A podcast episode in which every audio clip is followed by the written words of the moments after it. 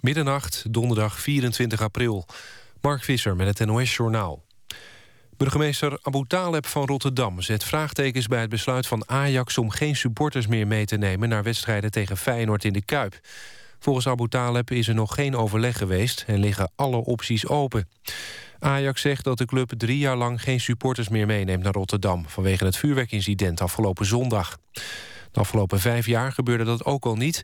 en die maatregel heeft Ajax dus eenzijdig verlengd. Jos van Rij wordt in Roermond lid van een commissie... die potentiële wethouders gaat screenen op hun integriteit. De oud-VVD'er, die wordt verdacht van corruptie en belangenverstrengeling... ziet zelf geen enkel bezwaar. Hij zegt dat er sinds 1998 geen enkele wethouder is geweest... die zo op zijn integriteit heeft gelet als hij. Een onweersbui heeft in Assen tot wateroverlast geleid. Er zijn veel meldingen binnengekomen van omhooggekomen putdeksels... lekkages en ondergelopen kelders, zegt de politie.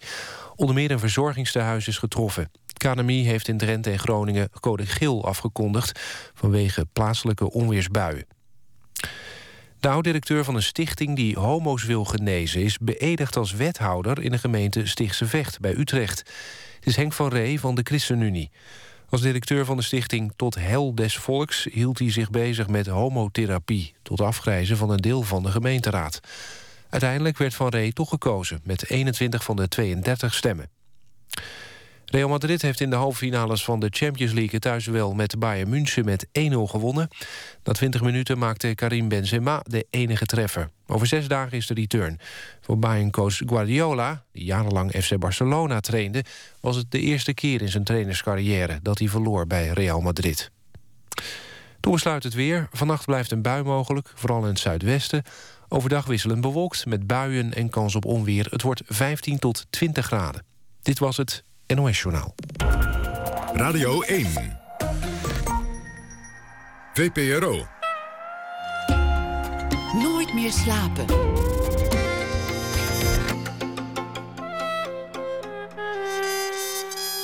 Met Pieter van der Wielen.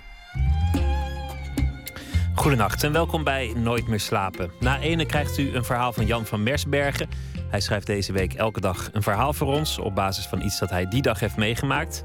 En we hebben aandacht voor de School of Life van Alain de Botton. Die opent de deuren van een Amsterdamse dependance. En de Botton mocht een tentoonstelling samenstellen in het Rijksmuseum. Collega-filosoof Ad Verbrugge verklaart het succes van Alain de Botton. Maar we beginnen met Jan-Jaap van der Wal. Dystopia heet zijn nieuwe voorstelling. Niet in Schouwburgen, maar in het clubcircuit. En daarmee is hij terug bij zijn oorspronkelijke métier, comedian. Jan-Jaap van der Wal is naast comedian ook uh, presentator van late night shows en uh, makers van oudejaarsconferenties en nou, nog, nog heel conferences moet ik zeggen. Ja, ja, conferences. Conferentie, ja. conferentie klinkt een beetje saai. um, en heel veel andere dingen. Ik, ik ben bezig kijken bij de, bij de try-out in, in Austerlitz. Ja. Bij Daglicht. Het centrum van Nederland schijnt het te zijn, hè? Austerlitz. Dus het exacte middelpunt van Nederland is dat, uh, heb ik me wel eens laten vertellen. Hoe ze dat precies meten, weet ik niet, maar ik geloof het gewoon. Nee, maar ik had zoiets van, nou, als, het, als daar alles werkt... dan weet ik dat het in de rest van Nederland ook uh, goed zou komen. Gemiddeld. Ja. Het, je, bent, uh, je gaat op, op tournee in clubcircuit, niet, niet in een schouwburg... en een relatief korte tournee wordt het dit keer. Niet je bent niet twee jaar vooruit geboekt uh, of, of 60 voorstellingen? Nee, of, nee. Nee, het, is, het, het theatersysteem is inderdaad dat je uh, 80 keer uh, vooruit boekt... en dat je dan dus gaat beginnen aan de show. En ik, ik, op dit punt in mijn leven doe ik het graag andersom. Dus net als eigenlijk bij muzikant dat je een cd maakt met nummers... heb ik nu een show gemaakt. En die ga ik nu een aantal keer in clubs spelen. Maar in het najaar ga ik bijvoorbeeld een aantal keer in België optreden. En... Als dit mij bevalt, dan wil ik in januari bij wijze van spreken nog weer een toertje gaan doen. Dus, dus dat je de show hebt en daarmee uh, uh, zeg maar naar, de plekken kunt gaan waar je wil spelen. Is dat mogelijk? Want uh, je ziet heel vaak foldertjes van de Schouwburg die in, in de bus rollen voor het seizoen nu al 2014, 2015. Dan, dan staat iemand er al in die in juni 2015 naar jouw stad komt. Ja, en, en, maar de, de realiteit is ook vaak dat er in, in zo'n theaterseizoen nogal eens mensen uitvallen of er gaan dingen toch uiteindelijk niet door. En ik had het toevallig vanavond over met de schouwburgdirecteur in Rijswijk. op het moment dat je als schouwburg je publiek makkelijk kunt bereiken, kun je natuurlijk op een gegeven moment zeggen: Nou, dan, dan vragen we die eens of die wil optreden. En, uh, en, dan, en dan bellen we Jan Jacob. En als hij dan zijn publiek opbelt, dan, uh, dan hebben we een leuke avond. En dat kunnen clubs gewoon ietsje beter, omdat die uh, een betere band met hun publiek hebben. Wanneer kwam je erachter dat dat niet echt voor jou werkte? het, het, traditionele schouwburgcircuit? Um, nou, ik, ik heb al vrij snel. Ik maak al sinds 2000 shows. En ook wel behoorlijke tournees. En zo rond 2007, toen ik voor de eerste keer de oudejaarsconferentie deed... toen voelde ik al van ja, ik weet nou niet of ik dit tot mijn 65e moet gaan doen. Net als een aantal van mijn collega's. Dat voelde ik al vrij snel dat dat niet helemaal de bedoeling was. En toen ben ik eigenlijk na de oudejaars van 2009 gewoon ook daarmee gestopt. En toen ben ik ook andere dingen gaan doen, televisie gaan maken. En toen in 2012, toen... Want ik, ondertussen uh, treed ik ook, ook in Toemler. Dat is onder het Hilton Hotel in Amsterdam. En dat is onze comedyclub voor Comedy Train. Dus ik blijf wel optreden. Dus dat systeem dat blijft wel gaande. En als ik op een gegeven moment genoeg materiaal heb... waarvan ik denk, nou, dit wil ik eens een keer allemaal achter elkaar spelen... dan heb ik eigenlijk een show. En toen in 2012 heb ik dat in een aantal theaters gedaan... op de manier waarop ik net zei. Dus in het seizoen zeggen van nou, zijn er gaten, ik kom wel. En, uh, en nu doe ik dat weer, maar dan in clubs. En uh, kijken hoe ver me dit brengt en hoe lang ik dit leuk vind. Want je, je, zou, je zou het vervelend vinden om, om uh, anderhalf jaar dezelfde grap te maken... of zestig keer achter elkaar die grap met dezelfde timing te bezorgen. Ja, uiteindelijk wordt het als sleets. Althans in mijn geval. Er zijn ook mensen die, uh, die dat heel goed kunnen, maar ik kan het toch niet zo goed. Voor mij moet het fris zijn en, uh, en dat betekent veel improviseren. En, en zorgen dat je het iedere keer vertelt alsof het de eerste keer is. En uh, ik denk dat bijvoorbeeld in zo'n club spelen, dat, dat dat heel erg met zich meebrengt. Want het is wat rauwer en het is wat. Ja, er, er kunnen andere dingen gebeuren, onverwachte dingen gebeuren. En dat houdt je materiaal heel erg scherp. Althans, voor mij geldt dat wel, ja. Waar jij op je sterkst bent, is in improvisatie met het publiek. Er gebeurt iets in de zaal en uh, je reageert. Iemand in het publiek reageert. En, en dan zie je de, de, de snelheid, hoe, hoe razend rap jij kunt anticiperen. En, en dat jouw grappen eigenlijk... Sommige cabaretiers zijn eigenlijk niet grappig, maar, maar die kunnen heel goed een grap bedenken met, met een pen en papier, stel ik me voor. Of, of achter een typemachine. Maar jij kan ongelooflijk ad rem zijn, gewoon op het podium in de zaal. Ja, en ik, en ik denk ook dat ik, dat ik heel goed ben in, het, in een sfeer maken waardoor je sommige grappen die misschien op papier helemaal niet zo leuk zijn, er toch doorheen trekt, omdat de sfeer gewoon goed is. En een grap kan ook net op het juiste moment verteld worden, omdat er inderdaad iets gebeurt in de zaal waar je het aan kunt linken. En ja, dat is iets wat ik, wat, wat ik heel leuk vind om te doen en wat ik ook echt wel getraind heb. En ik sta dan echt helemaal open op toneel. Dus je zou, dat kun je aanzetten bij jezelf? Ja, dat is een gebied in de hersenen. Ik heb het er wel eens over gehad met een vriendin van mij... die, die, die, die wel eens drugs gebruikt in het, in, in het uitgaanscircuit. Ik doe dat zelf niet. Maar ik denk eigenlijk dat je in hetzelfde gebied terechtkomt van de hersenen. In een, in een soort ik sta echt zodanig open dat ik, dat ik dingen van tevoren bijna zie aankomen of zo. Het is echt. De, mijn hoofd gaat open en er is een soort ruimte die ontstaat. En daarbinnen blijf ik heel rustig en kan ik echt improviseren en dingen aan elkaar linken die net een kwartier geleden zijn gezegd. En waardoor je een sfeer creëert van wow, dit gebeurt op dit moment helemaal hier. En dat is. Dat vinden mensen toch echt waanzinnig leuk. Dat vind ik zelf ook ontzettend leuk als ik daarnaar zit te kijken. Ik bedoel het als compliment, maar het, het klinkt gek als je het zegt tegen een comedian. Ik vond het interessant dat het vaak helemaal niet grappig was. En bedoel ik niet je grappen, maar, maar dat, je, dat je op een gegeven moment een verhaal vertelt de, uh, tegen het publiek. En mensen luisteren en mensen gaan mee in een sfeer. Zonder dat het per se naar, naar een, een, harde punchline hoeft toe te werken. Ja, maar ik, ik denk dat, dat uh, de lach is de meest logische reactie die je kunt krijgen. En daar, daar kun je van alles uit opmaken. Namelijk, oh, ze vinden het leuk of ze willen meer of wat dan ook. Maar ik vind het inderdaad ook leuk om te zien of een gedachte die je hebt... of een soort filosofie die je hebt... of die ook aansluit bij het publiek. En de reactie die je daarop krijgt, die... Eh, ja, dat is, dat is niet een lach inderdaad. Maar het kan wel een soort begrip zijn. En dat voel je ook als het goed is in de zaal. En ehm, ja, het klopt. Ik vind het ook leuk om te doen. Dus het, het hoeft voor mij niet altijd een, eh, een punchline te zijn. Terwijl het wel iets is wat in, in het cabaret steeds meer aan de hand is. En, en bij stand-up comedians ook heel vaak zichtbaar dat, dat, dat ze gewoon grappen komen maken.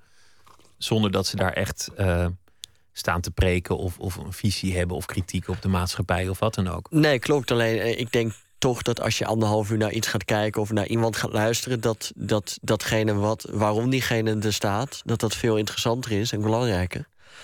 Want ik denk dat er in Nederland maar een paar mensen zijn, ik denk drie, die in staat zijn om vijf kwartier goede grappen te maken. En de rest zal het toch van iets anders moeten hebben. Dus, dus ik ook. En uh, ja, ik, ik, die theorie daaronder, dat vind ik ook interessant. En daar, en daar komen de mensen als het goed ook op af. Je stond er ook echt, en dat, dat hoort ook inmiddels bij jou, uh, met, met een verhaal over de samenleving. Je, je, denkt over dingen na, je, je hebt kritiek over waar de samenleving naar, naartoe gaat. Je, je denkt na over de politiek.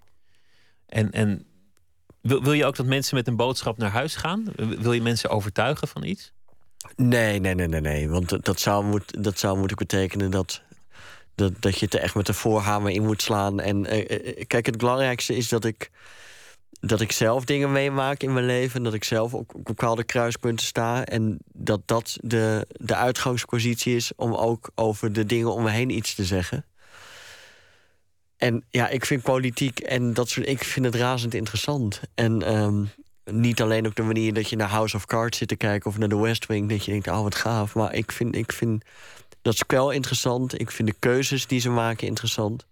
En niet altijd op een positieve manier, inderdaad. En ik vind dat er enorm veel humor in zit. Dus ik, ik zal daar grappen over blijven maken, ja. Maar je leek somber over, over nou ja, de, de stand van Nederland. Ja, maar dat, dat, komt natuurlijk ook een beetje omdat uh, in de somberheid ook wel de meeste humor zit. Maar ja, ik, ja als, je, als, je, als je er echt in verdiept en als je bepaalde dingen leest, hoe bepaalde keuzes worden gemaakt, dan word je inderdaad niet, niet vrolijk, nee. En uh, uiteraard is het, is het ook zo dat de politiek zal zeggen: ja, maar het is ook heel erg ingewikkeld en uh, loop maar eens een dagje mee. En dat klopt ook, want dan zie je ook wat voor keuzes er allemaal gemaakt moeten worden. Alleen ja, ik begrijp ze niet zo goed. Ja, lijken keuzes te zijn die om macht gaan. Terwijl je volgens mij nu ook kunt zeggen van ja, het is nu zo'n grote, grote puinhoop. Laten we in godsnaam doen wat we leuk vinden en um, waar we blij en gelukkig van worden. En uh, laat, laten we dat soort radicale keuzes maken omdat dat, uh, volgens mij willen wij met z'n allen dat de politici die we kiezen, dat het bevlogen mensen zijn. En het is alles behalve bevlogen. Merk je dat, de, uh, dat humor verandert? Omdat recent is er steeds vaker dat iemand een grap maakt, omdat het natuurlijk ook sneller gaat met, met Twitter en, en andere dingen. Of, of in een programma, iemand zegt iets, moet zich verantwoorden. En humor is, is vaak geen excuus meer. Hoe bedoel je dat? Nou, iemand, iemand maakt een grap die verkeerd valt. En vaak is het dan ook niet zo'n heel goede grap. Of, of niet zo'n heel smaakvolle grap. En, en iemand komt daardoor in, in discrediet, moet hij excuses aanbieden of, uh, of het valt verkeerd. er lijkt wel een soort worsteling met humor aan de hand te zijn. Ja, dat klopt. En, en humor zou in principe natuurlijk uh, relativerend moeten zijn. En, uh, en zou iets van verbinding moeten brengen of verlichting moeten brengen.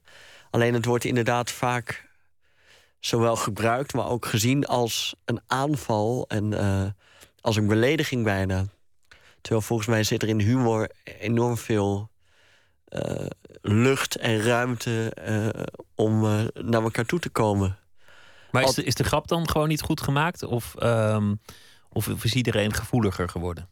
Ik denk dat mensen ook gevoeliger zijn geworden. En mensen wat je zelf ook al zegt, zitten natuurlijk de hele dag op Twitter en ook Facebook en al dat soort media. Proberen die natuurlijk de lolligste te zijn. Uh, en, en, en de hardste te zijn of de heftigste te zijn. En, uh, en dat, dat maakt het vak van cabaretier of comedian wel anders. Omdat je namelijk. Of je moet zorgen dat je van al die mensen de beste grap hebt. Of je moet daar weer buiten gaan staan en, en daar weer iets over zeggen. Wat, wat het allemaal met elkaar verbindt. Maar het, het maakt het wel lastiger. Je hebt wel een ander soort talent nodig. Veel cabaretiers die, die hebben ook al een keer ehm, nou ja, de, de, publieke opinie over zich heen gehad voor een grap die, die te ver ging. Theo Maas heeft het aan de hand gehad. Hans Theeuwen heeft het aan de hand gehad. Jou is dat eigenlijk niet echt gebeurd. Er is misschien één keer een incidentje op tv geweest, maar gezien je hele lange loopbaan lijkt je er zonder kleerscheuren vanaf te zijn gekomen. Oh nee, ja, maar er zijn, er zijn ook genoeg brieven binnengekomen bij de VARA en, en, en dat soort dingen. Kijk, het, het probleem van als iets op televisie komt, is dat het, een, dat het ook een heel ander speelveld terechtkomt. Het haalt het uit de context. Ja, dat, dan, dan, en zeker als je in een talkshow je moet gaan verdedigen over een grap, ja, dat, dan, dan kom je op een gebied terecht waar, waar het vogelvrij is. En dan kun je het niet meer recht trekken. Want um, dat, dat geldt. Dat geldt um, ja, ik bedoel, jij bent bij een geweest van mij. Nou, dat was allemaal prima en er, er gebeurde niks raars. Alleen stel dat ik een man op de eerste rij een beetje hard aankwak... en iemand schrijft dat in de krant. En dan gaat iemand anders mee aan de haal en die zegt... wat is het toch een klootzak dat hij uh, altijd uh, mensen voor lul zet. Ja, en zo ontstaan dat soort verhalen. Alleen binnen de context van een theaterprogramma... in een theater voor live publiek... ja, is er eigenlijk nooit echt iets aan de hand geweest. Omdat iedereen in die zaal zit en meegaat in die sfeer... en dan op een gegeven moment, als ze toch wel aan het lachen zijn... dan kan die grap er ook nog wel overheen. Ja, nee, en ik bedoel, er is ook een soort van... Uh, raar groot misverstand dat, dat, dat wij uh, bedreigd zouden worden door moslims of wat dan ook. Maar dat is volgens dat is gewoon ook allemaal nog nooit gebeurd. Maak je grappen over moslims? Ja, tuurlijk. En, en ook over, over uh, het geloof, dus de, de, Koran of zo, zou je dat doen? Uh, ja, ja, op het moment dat het, uh, dat het relevant is of dat ik, dat ik er iets mee wil. En ook iets mee wil in die zaal, dan, uh, dan zal ik het doen. En Alleen als het grappig ik, is. En als het grappig is, alleen het, ik, ik zie het niet als een spel wie durft het hardste te zijn of wie durft het meeste te zeggen. Er zijn wel collega's geweest die hebben gezegd: Nou ja, daar waag ik me niet aan, daar heb ik geen zin in. Nou ja, om die reden.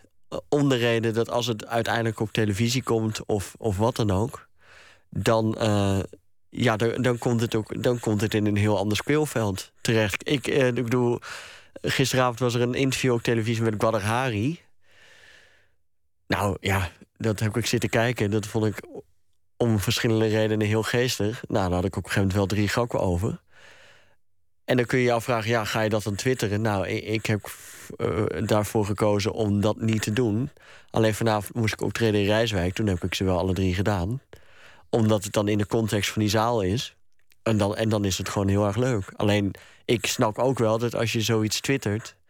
dat het dan overal en nergens terechtkomt. En voor je het weet uh, heb, je, heb je een probleem. En dan vraag ik me af of het op de radio zou kunnen, de, de Bader-Hari-grap.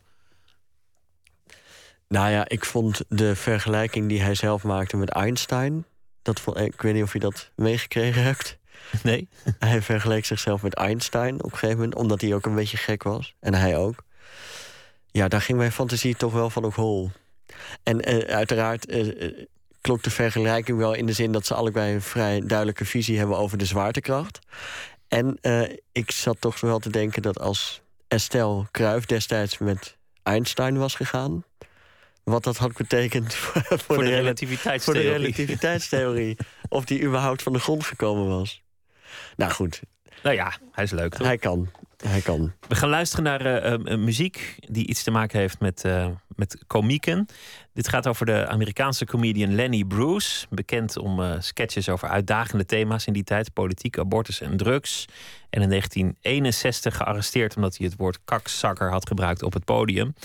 Bob Dylan heeft een nummer aan hem opgedragen in 1981. En dat heet Lenny Bruce.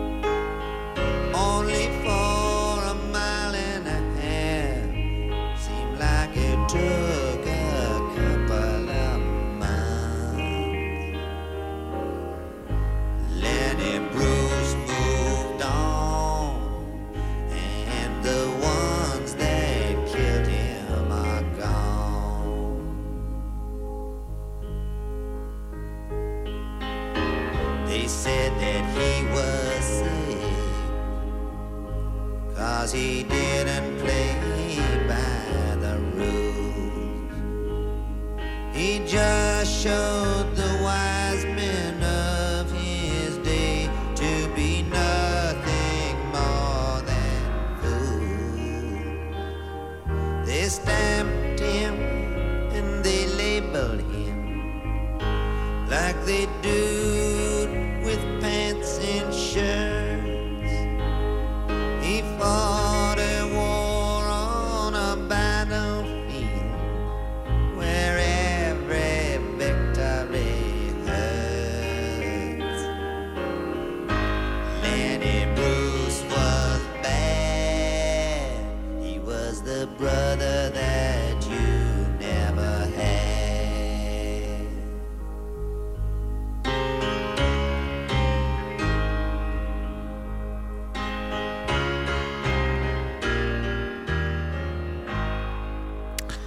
Bob Dylan over de komiek Lenny Bruce, die in 1966 stierf aan een overdosis.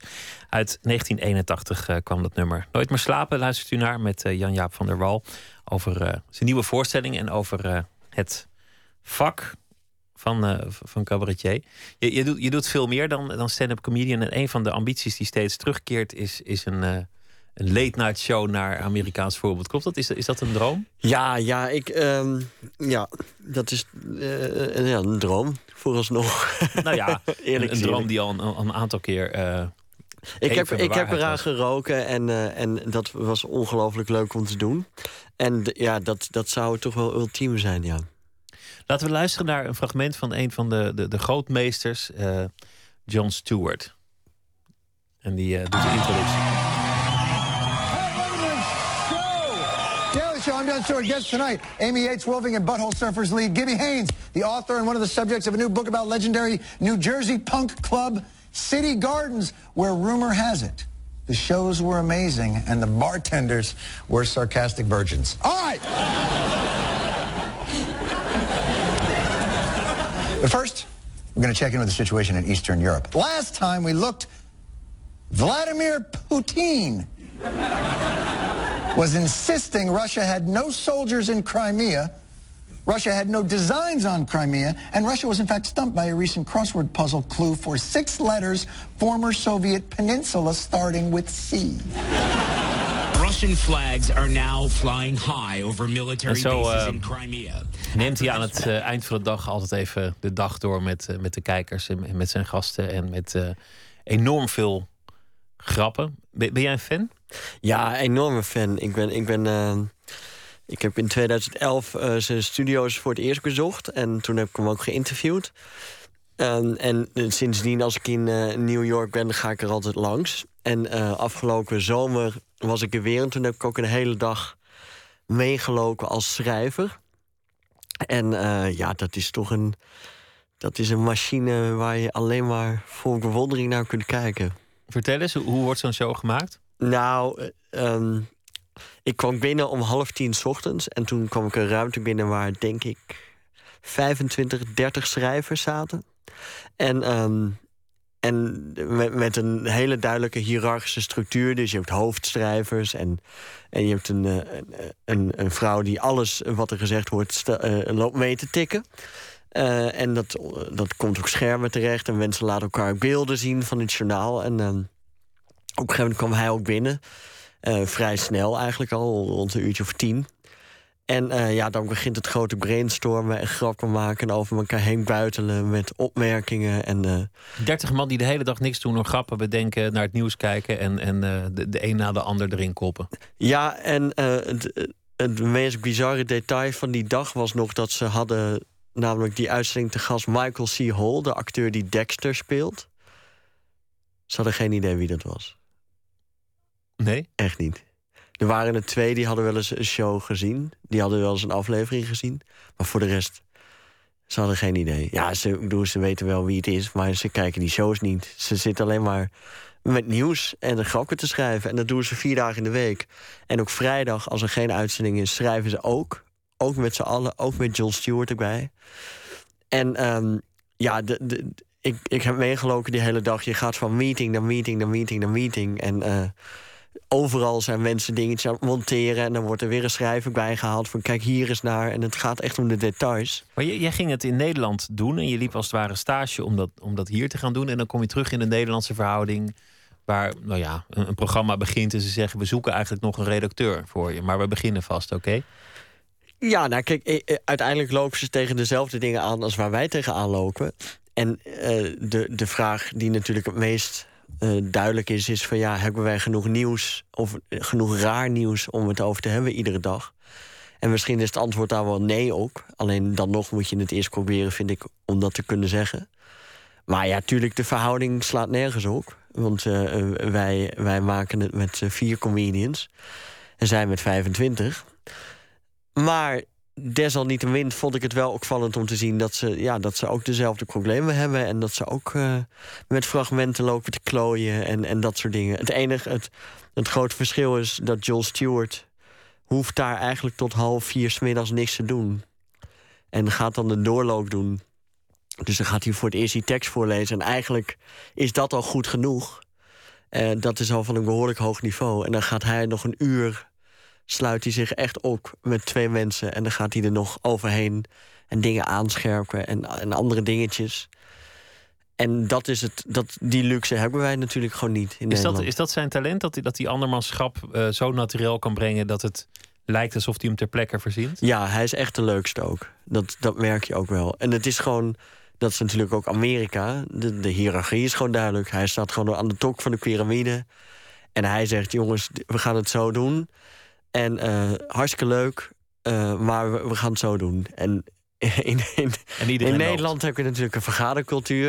Ja. Dus dan moet je eerst met z'n allen even om de tafel weer... ja, uh, ik, vind dit, ik vind dit leuk. En daar is het gewoon duidelijk, hij is de baas. Dan gaat een telefoon, John wil het zo. Nou, dan gaan mensen rennen en die gaan het doen. En iedereen krijgt daar ook de credits voor uiteindelijk. En iedereen krijgt ook goed betaald. Maar hij is gewoon de baas, dus dat is gewoon de afspraak. Toch is het interessant dat, dat in Amerika dit op, op uh, gebied van, van televisie altijd de grote strijd is. Wie krijgt de late night show? Wie, wie wordt de grootste in het genre der late night show? Uh, Dave Letterman, Saturday Night Live, uh, Jon Stewart met zijn, met zijn Daily Show. In Nederland is, is dat genre eigenlijk altijd onvervuld gebleven. er zijn heel veel pogingen geweest, maar er heeft nog nooit iemand die plek echt weten te veroveren. Nee, nou, ik denk dat in Amerika is het zo dat de mensen die daar... Want het zijn relatief weinig mensen, hoor, die daar naar kijken. John Stewart heeft tot twee jaar geleden anderhalf miljoen kijkers gehad. die echt op dat moment keken. Nou, dat is, dat is, eh, dat is vergelijkbaar met 200.000 in Nederland. Maar de mensen die keken, de jonge mensen, ja, die, die keken wel. Op een gegeven moment was het zo dat de jonge mensen in Amerika het nieuws zoals ze dat normaal van het journaal hadden, hadden ze nu van de Daily Show, omdat dat hun nieuwsbron was. En dat geldt ook voor David Letterman en al die mensen. En in Nederland is de, is de jonge kijker, ja, is er niet meer, lijkt het. Of die wordt, ja, de enige die dat een beetje bedienen is, is nieuws eigenlijk, zou je kunnen zeggen. Jongeren kijken gewoon helemaal geen tv in Nederland. Nee, die, die kijken naar internet, maar daar, daar doet de Nederlandse televisie doet daar niks in Amerika, iedere comedian op dit moment heeft een webserie of uh, die, die is ook het internet. Ik bedoel, je, wij, wij weten dat er vijf talkshows zijn in Amerika, maar er zijn er iets van veertig. En ook, ook het internet, iedereen is van alles aan het doen daar. Alleen ja, in Nederland ligt dat gebied totaal stil. En jij, bent, jij bent op een gegeven moment ook begonnen op het web met, met, met zo'n show. Gewoon ja. Van, nou ja, dan, dan vermijden we alle, alle omroepbazen en de bobo's en, en de bureaucraten die je normaal op je weg vindt. En, en we gaan het gewoon doen op het web. Ja, dat, ik bedoel, wij, zitten nu bij de VPRO. Als het, als het nou zo daar ook begonnen is, zo moet het nu ook weer op het internet beginnen. Gewoon die totale vrijheid. En voor comedy is dat echt evident. Omdat je namelijk, je moet uit de bocht kunnen vliegen. Je moet alle kanten ook kunnen vliegen. Je moet zeker niet ingekaderd worden om het tot bloei te laten komen. En uiteindelijk staat het dan. En ik bedoel, John Stewart, dat is gewoon van zodanig niveau... dat gaat niet meer door een ondergrens heen. Alleen dat heeft ook elf jaar geduurd voordat hij daar was. Maar je moet, je moet op het internet nog een verdienmodel zien te vinden. Want dat is natuurlijk altijd de, dat de is, moeilijkheid. Dat is de, de grote moeilijkheid. Want het advertentiegeld gaat naar YouTube... en niet naar de, de, de komiek of, of degene die het filmpje heeft gemaakt. Nee, maar ik geloof dat als je, als je bij de Nederlandse publieke omroep... bij de bazen YouTube uh, naar binnen gooit, dan rennen ze hard weg. Dat vinden ze allemaal doodeng. Alleen ik zou omroepen sterk adviseren... om gewoon een vrij groot deel van hun budget ook aan internet te besteden om, om daar het nieuwe talent tot wasdom te laten komen. Volgens mij mag het zelfs minder. Is het, is het zelfs een beleid geworden dat dat niet meer. Ja, eh, dat is belachelijk. Dat is totaal, ja. totaal omgekeerde beleid. Je moet, je moet het daar laten groeien. Ben, ben je zelf um, actief nog aan het, aan het perfectioneren in, in dat genre? Om, om echt op camera dat te doen? Ik bedoel, werk je naar je droom toe? Ja, ja. Ik heb laatst in Toemelen gewoon uh, voor de lol een, talkshow gedaan. Om half twaalf s'avonds. En uh, gewoon om gasten uit te nodigen en dan daar gewoon grappen mee te maken. En uh, ik, denk, ik denk dat je het dus zo moet opbouwen ook. Uiteindelijk is John Stewart ook heel lang een comedian geweest voordat hij dit ging doen. En eigenlijk alle... David Letterman ook, die heeft jarenlang in uh, groezelige clubs staan optreden en, in cafés staan stand-uppen. En uiteindelijk krijg je daardoor krijg je de skills en, en kun je zo show dragen. Ik vind het grappig dat je, dat je zo. Uh, het, is, het is in Nederland ook ongebruikelijk om, om je ambities te, te tonen of uit te spreken. Mensen houden graag hun kaarten tegen de borst en, en zeggen: Nou, misschien ooit als het op mijn pad komt. Maar, maar jij bent eigenlijk al jaren heel duidelijk over, over dat je dit wil gaan doen. Ja, nou ja, ja. ja. ik, ik, heb, ik heb het gedaan en uh, ik denk ook dat we, we, en ik zeg echt we, omdat ik dat. Zo'n show kun je niet in je eentje maken. Daar heb je gewoon meerdere mensen voor nodig. En ik heb het nu gezien in Amerika. En uh, ja, ik denk dat we het heel goed doen en, en, heel goed kunnen. En het is een kwestie van, uh, van tijd geven en, en een heel klein beetje van geld. Maar dat is niet eens het allerbelangrijkste. Het gaat er gewoon om dat in het Nederlandse omroepbestel... of hoe de publieke omroep is ingericht... is er gewoon één iemand die kan bepalen ja of nee. En zo iemand moet je mee hebben of, of, of niet. En als je hem niet mee hebt, dan is het gewoon hondsmoeilijk. Ja, zo, zo werkt het. Spij, spijkers uh, met koppen en, en kopspijkers... dat kwam eigenlijk op een bepaalde manier in de buurt op de Nederlandse televisie... van een groep uh, komieken die, die met enorme kijkcijfers de actualiteit kon bespreken. Ja, en, en, en dit was het nieuws natuurlijk ook. En je Ja, Koef- Koefnoen. Alleen het verschil, eh, wat, wat ik eigenlijk... Ik vind het leukste als er gewoon iemand als zichzelf zit. Dus ik, ik heb niet zo heel veel met typeringen en... eh, Met typetjes en en- imitaties. nee, eh, om, omdat het is een manier om, om het nieuws te bespreken. Alleen het is voor mij net niet direct genoeg. Het is, er zit gewoon letterlijk een pruik tussen. Tussen jou en, en de kijker. En John Stewart, die heeft. Ja, die, die, daarom is het mijn held wel. Die doet dat gewoon niet. Die gaat gewoon als zichzelf. En wel als comedian, maar die, die zal zich nooit echt uh, verschuilen achter een pruikje of een uh, stemmetje. Je bent uh, als, als jonge als, als hoogbegaafde aangemerkt door de, door, door de schoolautoriteiten. Je bent uh, heel erg geïnteresseerd geraakt in, in kunst. Daar komen we straks ook nog over te spreken. En je ging studeren en op, op een zeker ogenblik is die, is die humor een beroep geworden. Dat, dat lijkt me een gek beroep dat je, dat, je, dat, dat je een talent dat je hebt, humor, wat een vrij merkwaardig talent is als je erover nadenkt, besluit om, om daar je beroep van te maken. Hoe is dat gegaan? Nou, het, toen ik in Amsterdam kwam studeren was ik 17 jaar. En toen, na twee weken, kwam ik bij de Comedy Train binnen. En ik had daar wel eens van gehoord, dus ik ging daar kijken. En toen, toen dacht ik, ja, dit vind ik heel erg leuk. En ik had ook de middelbare school, trad ik af en toe wel eens ook en zo. En toen dacht ik, nou, weet je wat, ik ga gewoon meedoen op een soort open avond. En dat viel eigenlijk meteen de week daarna. Dus toen dacht ik, nou, dan ga ik daar gewoon aan meedoen. En dat ging heel erg goed. En toen kwamen er allemaal mensen van de comedy trainer afloop naar me toe. En die zeiden, wil je zondag meedoen? Want er zijn audities. Ook toevallig. Toen zei ik, ja, tuurlijk. En toen heb ik auditie gedaan. En toen, die dinsdag erop, zat ik met Raoul in Toemler. En zeiden, ja, je bent aangenomen. En de vrijdag daarop kwam ik uh, binnen en zaten Hans Steeuw en Theo Maas in de kleedkamer. En toen moest ik mezelf wel even in mijn arm knijpen. Van oké, waar ben ik nu in beland? En ik trad ook, ook dezelfde avond als waar Theo ook trad. En dat was 1997. En toen werd al vrij snel duidelijk dat dat een beroep zou worden voor mij. Ja. En had je dan al grappen uh, bedacht van tevoren of ingestudeerd? Had je die echt ja, al klaar? Ja, ik had, ik, had wel, ik had wat dingen over mezelf en ook, ook toen al over de actualiteit. En um, daar, heb ik de eerste drie maanden vrolijk mee uh, gespeeld. En daarna komt natuurlijk het, het grote moment dat je uh, nieuwe dingen moet gaan schrijven. En, en dan loop je daar natuurlijk keihard tegenaan van ja, shit. Nu moet ik het echt gaan doen, want dan wordt er iets anders van je gevraagd.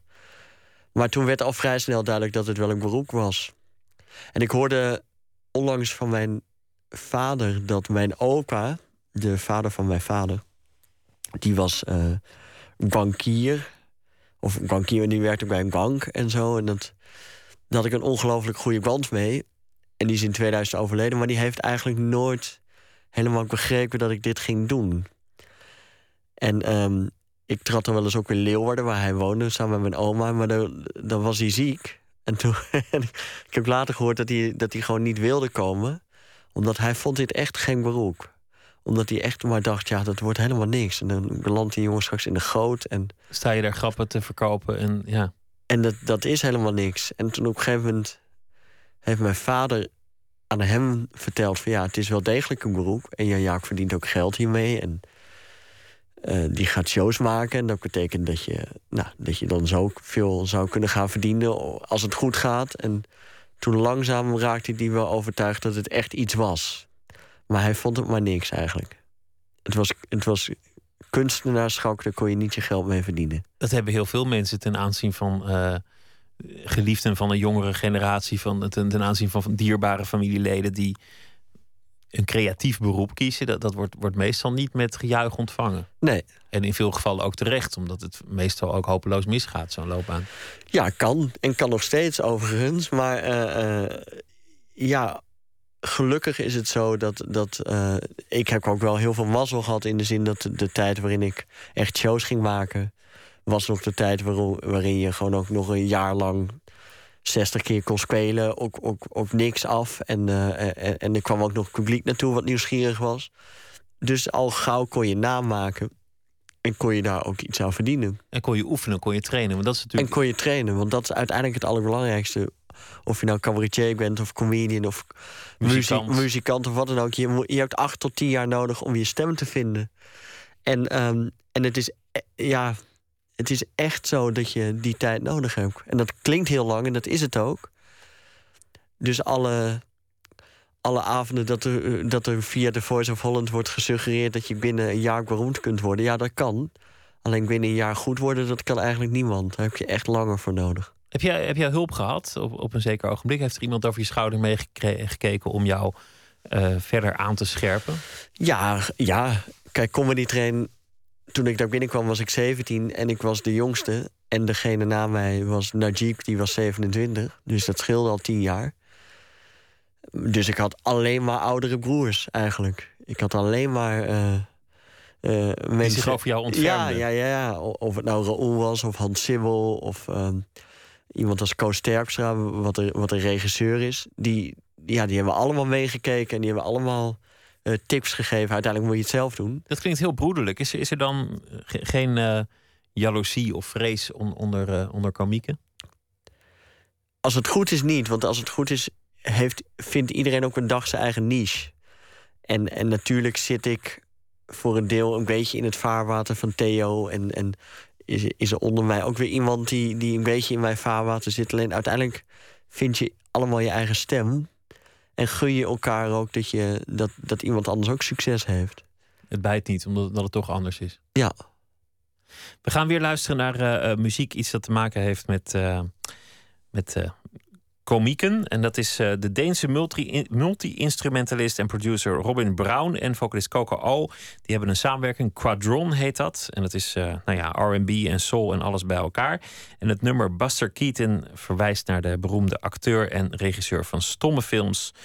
Joseph Francis Buster Keaton.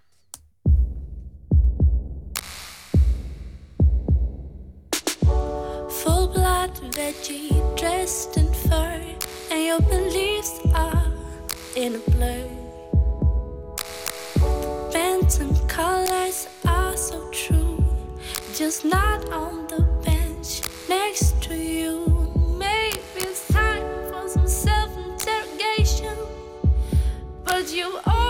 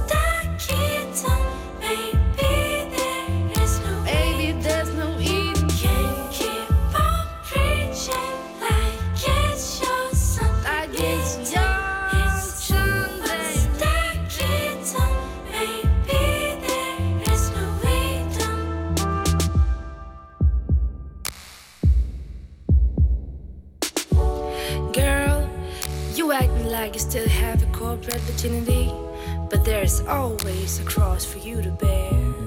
Politically correct about everything beside yourself. If you could buy a perfume of it, you would. This is why you think the right track. Never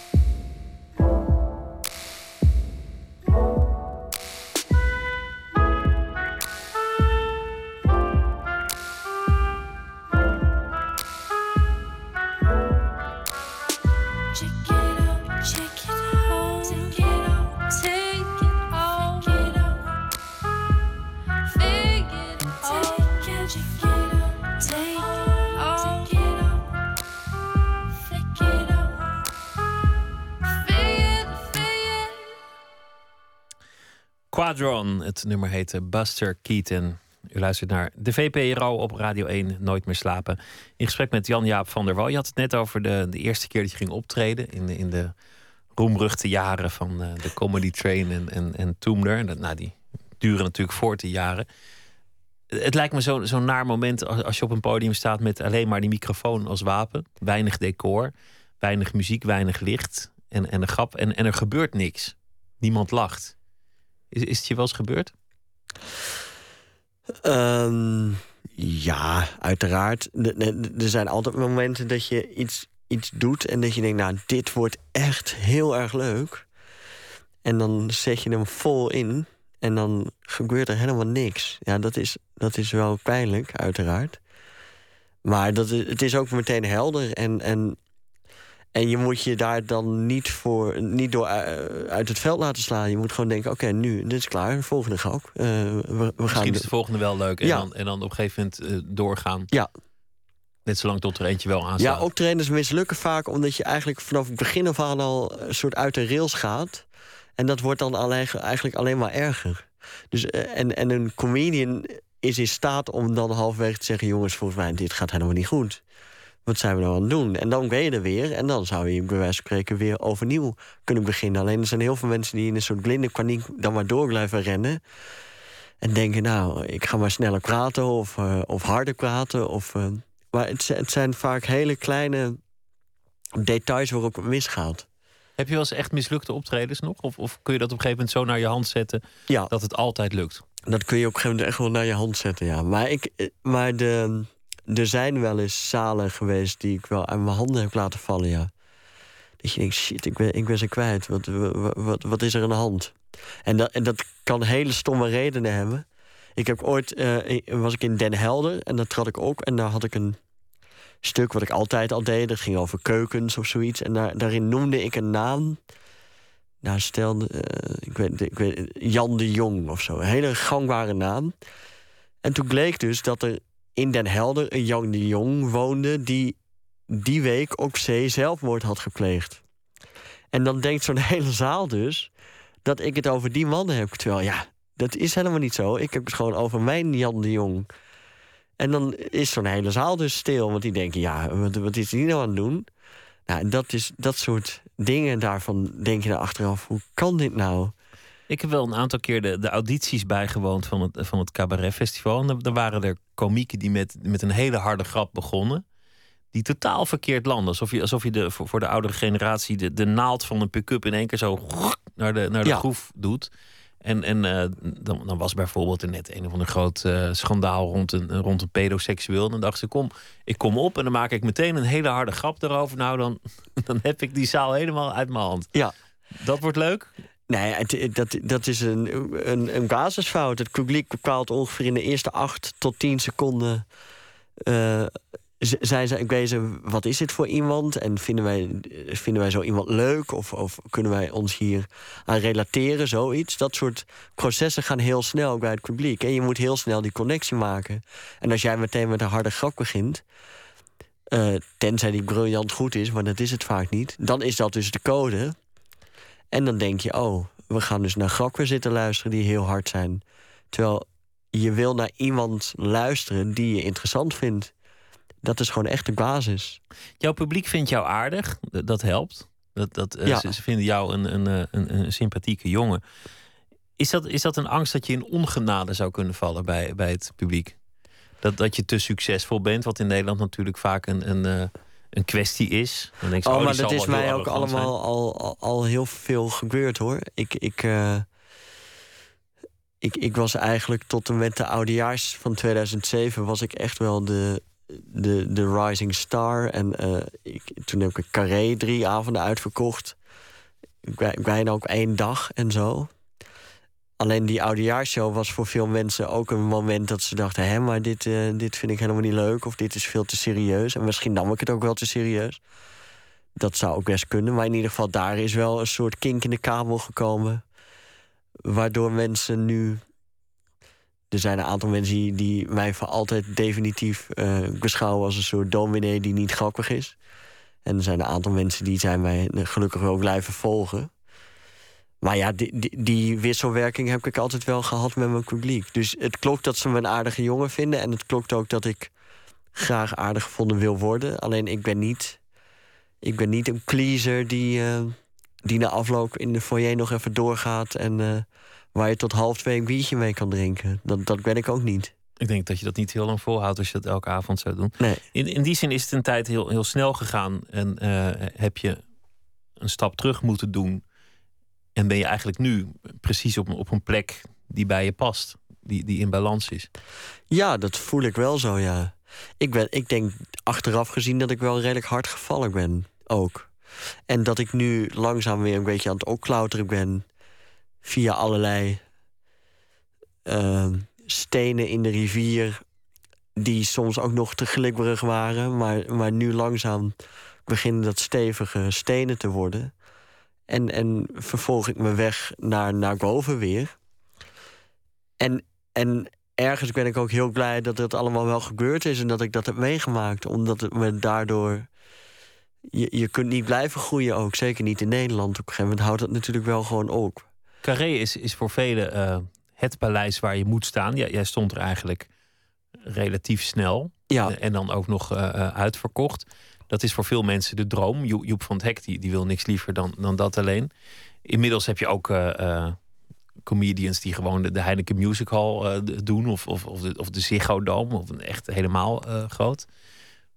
Is dat ook nog een ambitie? Want we hadden het net over zo'n late night nee, show. Nee, nee, of, of, heb je dat echt losgelaten? Ja, grote? totaal. Want sowieso is, zijn dat soort zalen echt eigenlijk helemaal niet te doen voor een comedian. Dat slaat helemaal nergens op.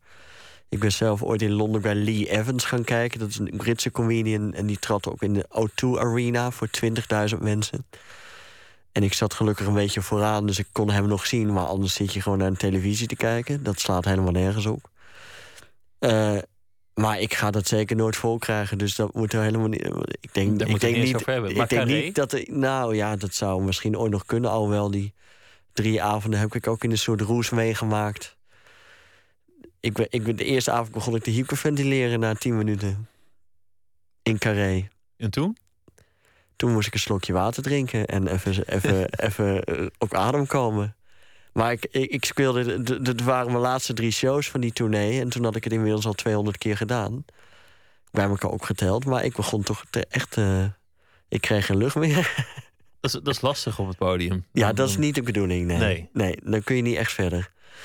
Dus om maar aan te geven dat, dat die zaal natuurlijk indrukwekkend was. Maar het is, dat is ook bijna niet te bespelen hoor, als solo comedian.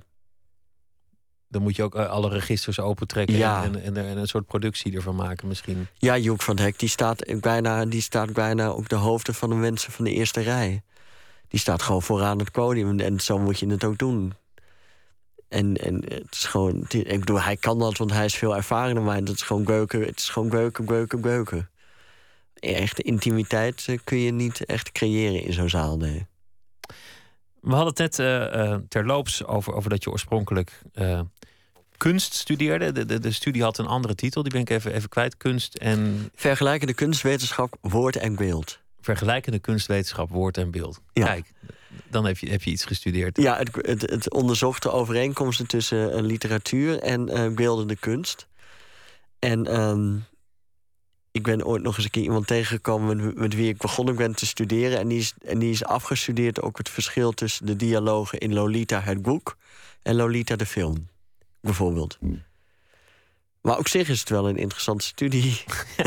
als je het zo zegt, klinkt het, klinkt het uh, wel interessant, maar misschien wat uh, specialistisch. Het was een studie die nog, uh, die nog half verzonnen moest worden, terwijl, terwijl, terwijl het gaande was. Dus, uh, maar ik heb dat uiteindelijk maar een half jaar gedaan. Toch geeft het wel aan dat, dat op een zeker punt in jouw leven uh, er een enorme liefde voor kunst is gekomen. Je, je zat onlangs ook in de, in de jury, je was zelfs juryvoorzitter van, van de kunstprijs van, van de Volkskrant. Je bent een verwoed verzamelaar van, van fotografie. Dat, dat doe je nog steeds, dat, dat verzamelen? Ja, dat, ik vind dat uh, nog steeds heel, uh, heel, heel fijn. Het, het, het, het mooie is, um, het allereerste kunstwerk wat ik ooit kocht... toen was ik, zat ik nog op de middelbare school. Dat was een zeefdruk, moet ik er wel natuurlijk bij zeggen. van een schilderij van Jean Tinguely. En Jean Tinguely is iemand die eigenlijk installaties maakt. Een Zwitser, toch? Uh, een Zwitser, in de, in de, in de Dada-tijd eigenlijk. En, uh, maar hij heeft ook een paar schilderijen gemaakt... die ook heel machinaal eruit zien met allemaal kleuren. En een van de eerste... dus eigenlijk de eerste zeefdruk die je kocht was van hem. Die hangt nog steeds bij mij thuis. En ik woon in Amsterdam in een, in een oud huis. En uh, dat is in de jaren zestig verbouwd door mensen die daar ook de, de bladen mee hebben gehaald, de woonbladen mee hebben gehaald. Die hebben dat huis helemaal ja, de indeling gemaakt zoals het nu is. En de vrouw die dat gedaan heeft, die kwam ook eens langs een paar maanden geleden. En die vertelde mij dat zij dat dus hadden gedaan en in de jaren zestig. En dat ze toen in Italiaanse woonbladen stonden. En dat er ook eens ook kunstenaars over de vloer kwamen. En ze vertelde, er kwam ook eens een man binnen. En die liep door dit huis en die was helemaal verliefd. En die had erover gehoord en die zei: Mag ik even rondlopen in dit huis? En ze zeiden: Ja, tuurlijk. En het waren de jaren zestig, dus ze zeiden: Nou, wij gaan door met eten, dus doe wat je wil. En die man die had een half uur rondgelopen in het huis en die was helemaal verliefd geworden. En die, die zei: Dankjewel dat ik dit heb mogen zien. En uh, dat bleek dus Chantingeli te zijn. Die was in dat huis geweest? Nou, die ja. was in dat huis geweest in de jaren zestig. Dus die is in mijn huis geweest. En hij hangt in mijn huis. Nou, dat vond ik toch wel een bijzonder verhaal. Een eigenaardigheid, ja. Een eigenaardigheid, ook zijn minst. En uh, nou goed, dat is als. Maar fotografie, daar ben ik inderdaad nog altijd zeer in geïnteresseerd. En, uh, en ik, verzamel, ik verzamel veel, ja. Mag je al een kenner noemen? Nee, nee, nee, nee. Nee? En dan heb je, uh, als je er veel, want ik heb, ik heb, gehoord dat je er veel tijd aan besteedt en, en uh, ook veel uh, aandacht voor hebt. Je zit in zo'n jury, nou ja, dat, dat is dan, daar word je voor gevraagd en dan denk je, oh leuk, dat ga ik doen. Maar is, is misschien ook een plan dat je er ooit meer mee gaat doen? Een, een, programma, een, een, boek? Een... Nou, ik, ik, ik vind het altijd um, prettig om me door meerdere dingen te laten inspireren dan alleen comedians. Dus je, je kunt op het moment dat je een show maakt kun je heel Netflix afstruinen en denken: oh ja, dan ga ik al die shows weer even kijken. Maar ik vind het veel interessanter om naar muzikanten te luisteren, of inderdaad naar fotografen te kijken, of naar het MoMA te gaan, of dat soort musea te bezoeken. En dat is dan inspirerend ook voor, voor jouw werk. Dus, dus ja. jij zit in een heel andere discipline, maar desalniettemin inspireert dat je. Ja, om, om te kijken waar, waar, dat, waar dat over gaat. En als het goed is, zeker als, je het, als ik over de tijdsgeest wil hebben, dan, dan moet dat ook in andere disciplines te zien zijn. Diezelfde beweging of dezelfde vragen die worden gesteld. Het is eigenlijk in de geschiedenis altijd zo geweest dat, dat periodes waarin de kunst tot hoge bloei kwam, ook een periode was dat in datzelfde gebied de wetenschap tot een hoge bloei kwam. Ja. En dat komt en, natuurlijk deels door de voedingsbodem, maar ook, ook door, doordat er gewoon een bepaalde sfeer heerst dat alles tot grotere hoogte komt.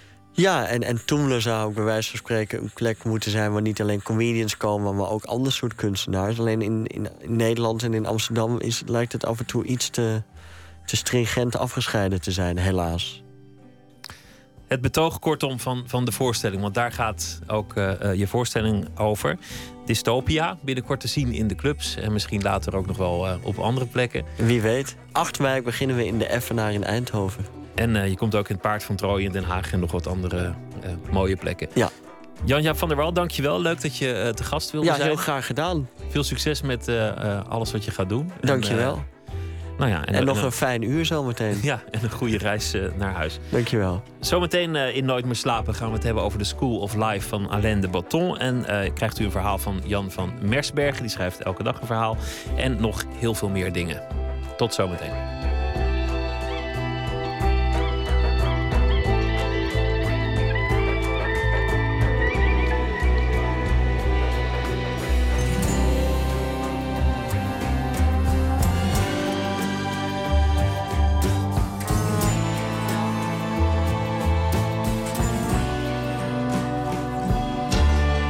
Radio 1. Het nieuws van alle kanten.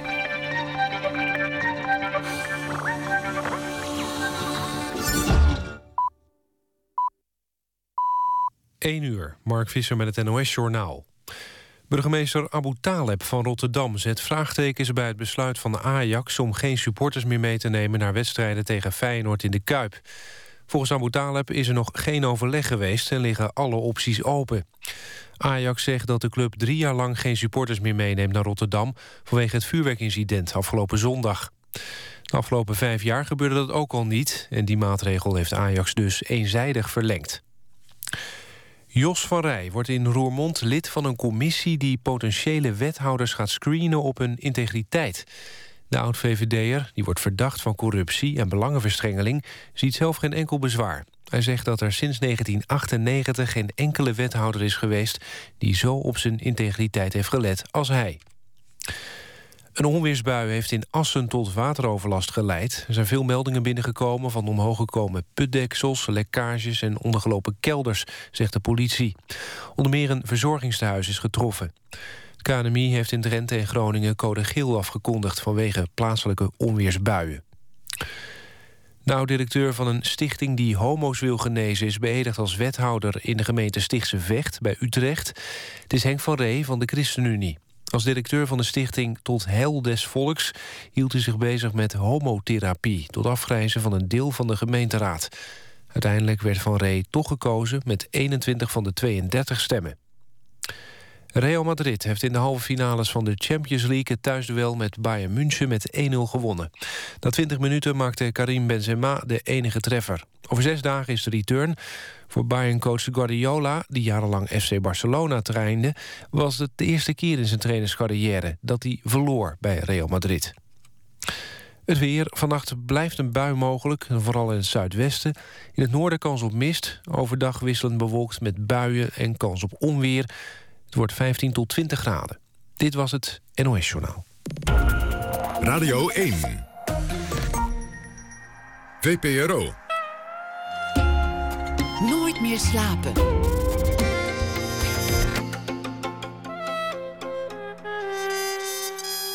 Met Pieter van der Wielen. U luistert naar de VPRO Nooit meer slapen. Via Twitter kunt u ons uh, dingen toewerpen, het VPRO-NMS... of via de mail nooitmeerslapen.vpro.nl. We beginnen dit uur als gebruikelijk met een schrijver... die elke dag een, een, verhaal schrijft op basis van iets dat die dag is gebeurd... of dat hij die dag heeft meegemaakt. En deze week is dat Jan van Mersbergen. Hij is schrijver, brak in 2011 door met de roman Naar de overkant van de nacht... En uh, dat boek was zijn zesde boek alweer, werd bekroond met de BNG Nieuwe Literatuurprijs en wordt momenteel verfilmd. En dit jaar verscheen zijn laatste roman getiteld De Laatste Ontsnapping. Jan van Mersbergen, goeienacht. Goeienacht, hallo. Wat, uh, wat ga je vandaag uh, voordragen? Nou, ik heb vandaag een stukje, ik heb van de week een stuk gelezen over een hond. En ik heb wel wat, wat geworsteld van de week met een verteller voor een mogelijke volgende roman ik denk, daar, uh, ik denk daar steeds wel over na. Ook al wil ik eigenlijk dit jaar in 2014 niet aan een nieuwe roman werken. Ben ik natuurlijk wel bezig met van ja, wie moet die nieuwe roman gaan vertellen? En wie wordt het karakter? En uh, wat wordt het voor iemand? En ik dacht misschien moet het wel een, een vogel zijn. En daar gaat het uh, stukje van vandaag over. Draag het voor. Ik ben benieuwd. Daar komt. Ik zag een kraai op één poot op de rails zitten en toen hij wegvloog voor de trein bleek hij maar één poot te hebben. Ik vond het al raar, want kraaien zitten nooit op één poot. Dat doen reigers en andere vogels die in het water staan. Ik hoorde een lijster, veel later, zingen op de stadionkade. En de merel van mijn straat zat op de stoep voor mijn huis. Ik speel met het idee een roman te schrijven met een vogel als verteller. Dat is moeilijk, want een vogel kan natuurlijk niks vertellen. Willem-Jan Otter schreef ooit een heel mooi boek, Specht en Zoon, dat verteld wordt door een schildersdoek. Volstrekt overtuigend. En ik ken een paar romans waarin een hond het woord neemt, maar die vertellers, die honden, die zijn minder goed. En dus is het idee van die vogel gevaarlijk. Later die dag zag ik een merel drinken op het platte dak van de school achter mijn huis. Het was een mannetje, een zwarte. Hij dronk en zijn vrouwtje kwam ook op het dak zitten en vroeten in wat verrotte bladeren. Ze, had, ze hadden zeer oppervlakkig contact met elkaar, die twee. Ze keken elkaar niet aan en zeiden niks tegen elkaar. En toen, en toen wist ik dat die vogels geen goede vertellers zijn. Ze zijn nerveus en schrikkerig en egoïstisch en ook erg druk. Ze zitten geen seconde stil. Dus misschien moet ik een andere vogel kiezen. Eentje die in het water staat of eentje die zit te broeden ergens hoog in een nest. Een vogel als uh, personage in een roman of, uh, of als uh, Verteller. Ik, ik was van de week onder de indruk van je, want, want toen hadden we het over, eh, over huisdieren in boeken. Toen zei ik, nou Ja. volgens mij komen er geen huisdieren in grote romans voor. En toen zo uit het hoofd kon jij oh, een, noemde dat jij de hele literatuurgeschiedenis aan de hand van, van huisdieren. Ja, en Nou, ik vergat zelfs, eh, ik vergat nog Moby Dick en ik vergat Dat is nog toch geen huisdier, dat is een walvis. Maar het is wel een heel belangrijk dier in de, in de wereldliteratuur. Ook al is het boek, als, al is het boek erg moeilijk te lezen, moet ik zeggen meteen hoor. Heel lastig boek. Maar eh, was je ervan onder de indruk? Ja, daar was ik van onder de indruk. En nou vroeg ik mij af of jij ook, eh, als ik dan vraag van... Noem eens vogels in de wereldliteratuur. Welk meesterwerk werd door vogels bemand? Of, of je datzelfde kunstje nog een keer kunt.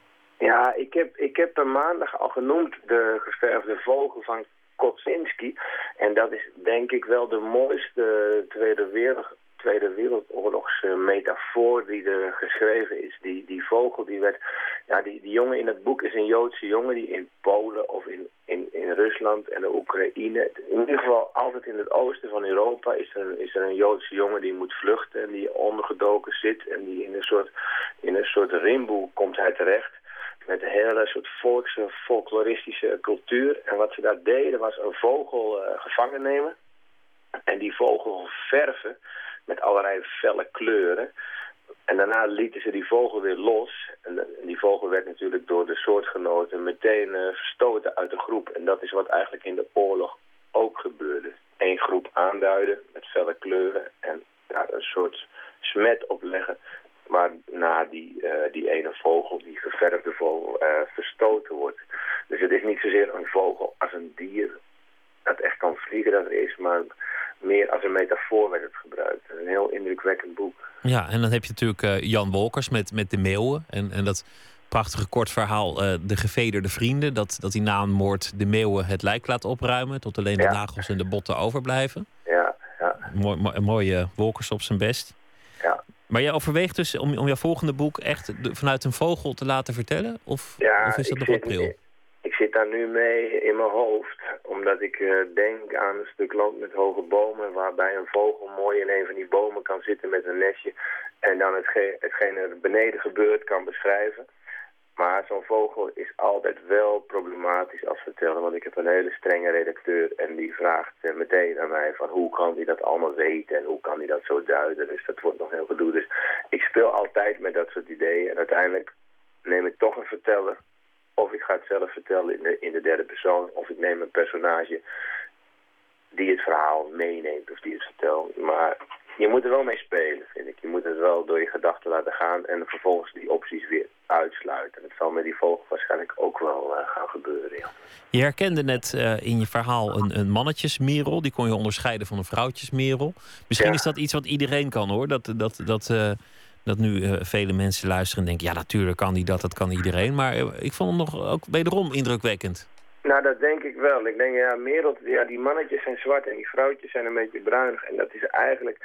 Ja, bij eenden kan ik het ook wel, want die mannetjes hebben van die groene koppen. Maar ik ben helemaal niet zo'n vogelkenner. ik, ik, ik kom uit, uit de Brabantse polder, uit het eh, rivierengebied en daar stikt het van de vogels. Ik heb daar laatst zelfs een, eh, een kraanvogel gezien. Dat, dat is wel bijzonder. Die zitten meestal in, in, in, eh, in Duitsland.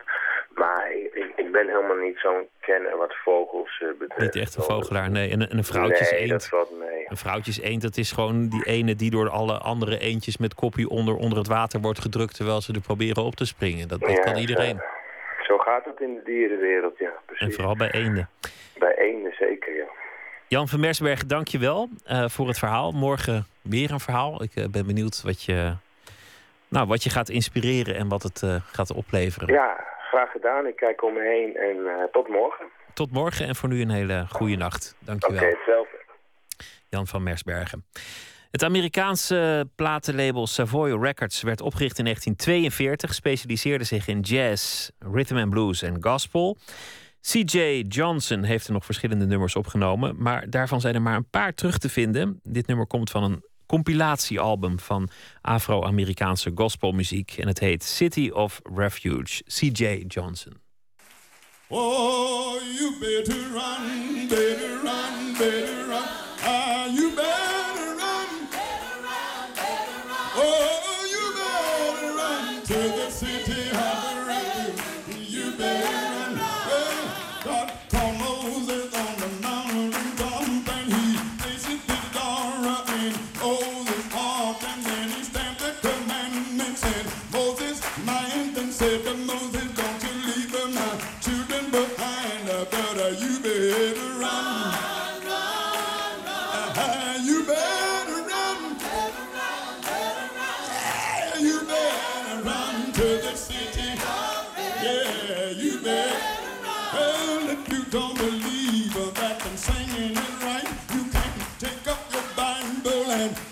tonight. You can read in Guinness, you will understand that Methuselah, he was the oldest man, he lived 969 and then died and gone to heaven in good due time. But uh, you better run. Uh, you better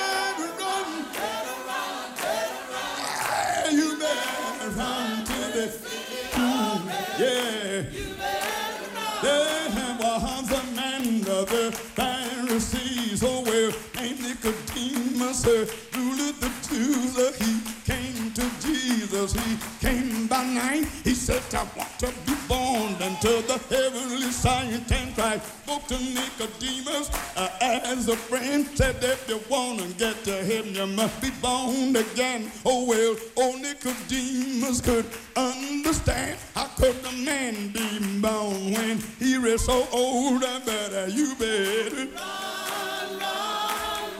Uh, you better. Yeah, you better. Yeah. Yeah. Well, you read about Samson from his birth. He was the strongest man that ever lived on earth. The one day Samson was walking along. Oh, well, Samson struck her was never found out. And Delilah came and sat on his knees and uh, please tell me where your striker might be. Uh, he told him a strength killer in my hand. You just shake my head just as I clean as my hand. Uh, my striker will become as a natural man. Uh, but uh, you better run. run, Uh, you better. run, run, run! Yeah, you better.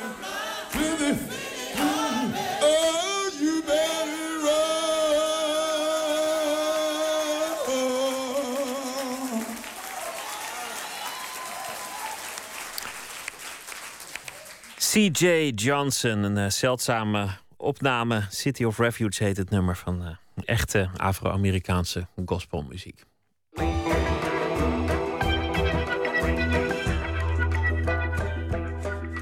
U luistert naar de VPRO Nooit meer slapen. Op de Nieuwmarkt in Amsterdam staat een legendarisch café, de Cotton Club. En daar stalde in de jaren 40 voor het eerst Amerikaanse jazz uit de jukebox. En jaren later was daar ook de eerste marihuana verkrijgbaar. Maar de geschiedenis van dit café staat eigenlijk voor een groter verhaal. Rob Wortman en Alice Boots, die eerder een Alice Boots, die eerder een succesvolle biografie over de Surinaamse schrijver en verzetstrijder Anton de Kom hebben gepubliceerd, schreven een biografie van het café. En daarmee eigenlijk een geschiedenis van de tweede helft van de 20e eeuw. Verslaggever Tjitske Mussen trof ze in, waar kan het ook anders, de Cotton Club. Wij eh, wonen zelf in Amsterdam en op een gegeven moment waren we hier in de stad en eh, gingen we een borrel drinken. En toen zei ik tegen Rob, goh, is de Cotton Club, zullen eens naar binnen gaan? Want vanuit ons vorige boek wisten we natuurlijk wel dat daar vroeger veel Surinamers kwamen. En eh, het was net zulk mooi weer als vandaag. Iedereen zat buiten en wij zitten binnen. Nou, je ziet het is helemaal leeg. Je hebt alle kans om al die beschilderde spiegels te bekijken en, de, en alle foto's en dergelijke. En na een half uur zei Rob, dit wordt ons volgende boek. Als je hier binnenkomt in... Je zit hier even, je kijkt naar buiten... dan denk je dat je door een uh, tijddeurtje bent gestapt. Een andere wereld in bent, ge, bent gestapt. En is de, is de wereld buiten eigenlijk alleen maar zichtbaar... door een soort wazige spiegel. Uh, het heeft iets met de sfeer van, van de plek te maken. Uh, alsof wat er in het verleden gebeurd is... op allerlei plekken, op allerlei wijzes blijft hangen. Het boek van Alice Boots en Rob Woordman beslaat zo'n 75 jaar. Het vertelt de geschiedenis van de buurt waar het staat, de Nieuwmarktbuurt in Amsterdam, vlakbij het station en de haven. Maar ook de grotere sociale ontwikkelingen in de tweede helft van de 20e eeuw. De opkomst van de jazz in de jaren 40, 50. De eerste marihuana in de jaren 60. De vernietigende werking van heroïne in de jaren 70. En de invloed van het neoliberalisme in de jaren 80 en 90. Dit wordt allemaal geïllustreerd aan de hand van de geschiedenis van het café, dat al sinds 1940 gerund wordt door de familie Smit. Huidige eigenaar, Marion, is de kleindochter van de eerste kroegbaas, Frits. Ik, uh, toen ik anderhalf was, kwam ik uit Amerika terug en toen zijn we hier gaan wonen. Hoe zag het er toen uit? Precies hetzelfde, ongeveer. Ongeveer? Ja, een ander bangetje natuurlijk. En er is een stukje bijgebouwd. Er stond een biljart. Voor de rest is het nog wel hetzelfde, eigenlijk. En jullie woonden hier achter, hè? Het gangetje waar we nu naar op uitkijken, daar, daarachter woonde jij met je grootouders. Ja, waar de herentoilet is, was de keuken. Waar de damestoilet was, was de huiskamer. En daar hadden we nog twee verdiepingen erboven. Maar dat is afgebroken. En waar nu mijn kantoor is, dat is, eh, was mijn slaapkamer vroeger. Daar hangt een spiegel. eh, eh, daar staat op 1940, 1990, 50 jaar. Dat is door de klanten aangeboden. Daar staat op uh, Ome Frits. De eerste eigenaar, de stratenmaker, die, een Jordanees, die het café kocht in 1940. Uh, daarnaast zijn dochter Annie, die het café in 1974 overnam. En daar als eerste, dat is de schoonmoeder van Ome Frits... Die wilde het café in 1940 kopen, omdat ze weggelopen was bij de man. Maar dat deed ze wel vaker. Uh, zij wilde het café kopen en leende geld bij, bij Frits, haar, haar, uh, haar, schoonzoon... Uh, om, om de zaak te kunnen betalen, 400 gulden. Maar toen het puntje bij paaltje kwam, zag ze ervan af.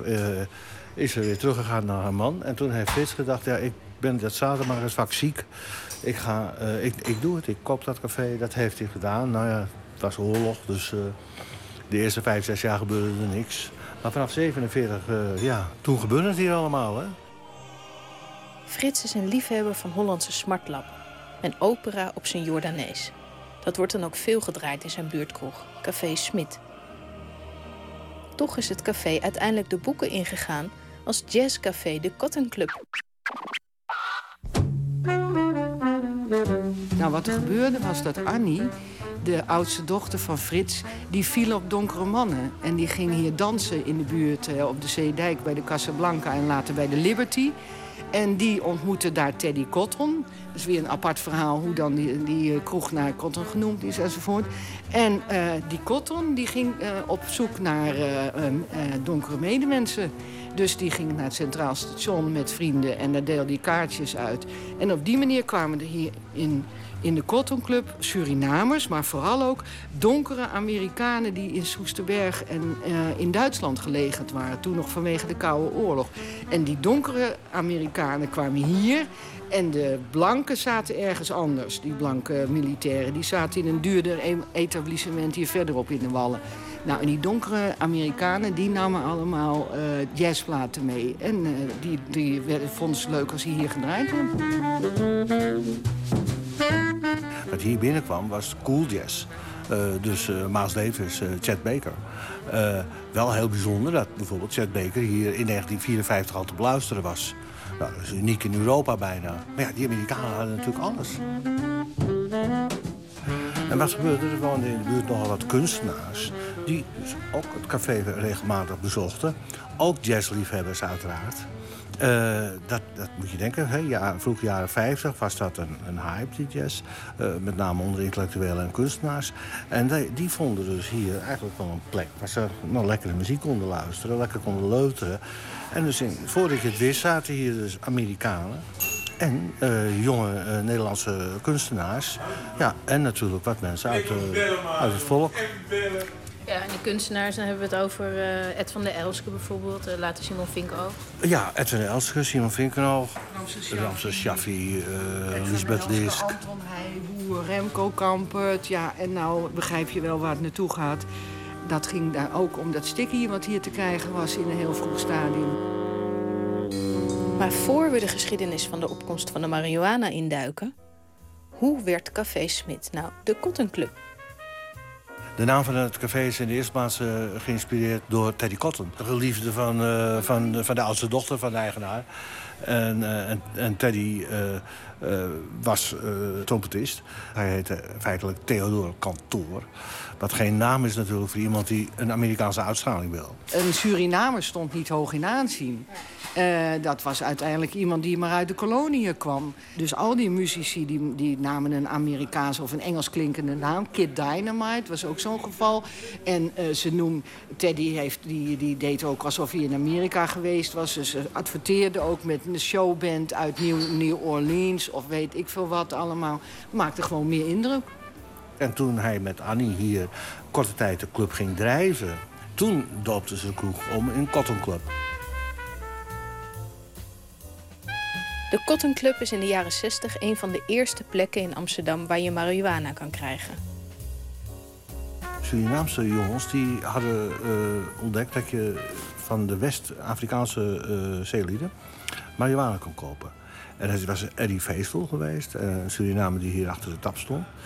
Zijn, zijn zoon staat nu achter de tap, hij zelf is al lang overleden. die bedacht dat je een beetje in een luciferdoosje kon stoppen... en dat voor een tientje kon verkopen. Dus die stopte een luciferdoosje vol met, met marihuana en verkocht dat aan de Amerikanen met name. Uh, later natuurlijk heel veel aan de kunstenaars. Hè. Dus uh, uh, Vinko rookte hier zijn stickies. Robert Jasper Grootveld beschrijven we ook in ons boek... Hè, die een hele zoektocht heeft gedaan toen uh, jarenlang op zoek is geweest... en op een gegeven moment dan toch hier terecht kwam... en uh, zijn eerste joint uh, scoorde, zo gezegd. Dat is wel, dat is wel grappig, omdat nou, als wij als buitenstaanders aan Robert Jasker Grootveld denken... denken, ja, dat was de hippie, hè, dat was een voorloper. dat, dat, die jongen die, die was er zo snel bij. Nou, hij heeft twee jaar gezocht in een tijd dat er al hier vijf, zes jaar lang werd gerookt. Dus uh, pas na twee jaar kwam hij eraan achter. En hij vond het maar eng hoor, met al die zwarte mensen hier. kwam hij eraan achter dat je hier dus een, dat, dat geheimzinnige stikje kon krijgen. En daar heeft hij, hier heeft hij dan ook zijn eerste stikje gerookt. Na de marihuana volgt de heroïne. Ook dat is te zien in de Cotton Club. Als steeds meer Surinaamse klanten verslaafd raken en gaan dealen. Opnieuw is het de grote wereld in het klein. Als de wereld verandert hier in, in, in, in Europa... zie je ook de wereld rond de Nieuwmarkt veranderen. Je ziet de penose veranderen. Je ziet dus ook hier het, uh, het dealen in, in marihuana overgaan... naar het dealen in, in uh, heroïne.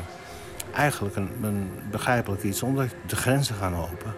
En het spul komt ineens het land binnen. En dat is niet, geldt niet alleen voor heroïne, dat geldt ook voor vuurwapens. Voor 1970 vind je nauwelijks nog geen vuurwapens in de stad. Maar doordat de wereld verandert en middelen binnen de stad komen die wij nooit kenden...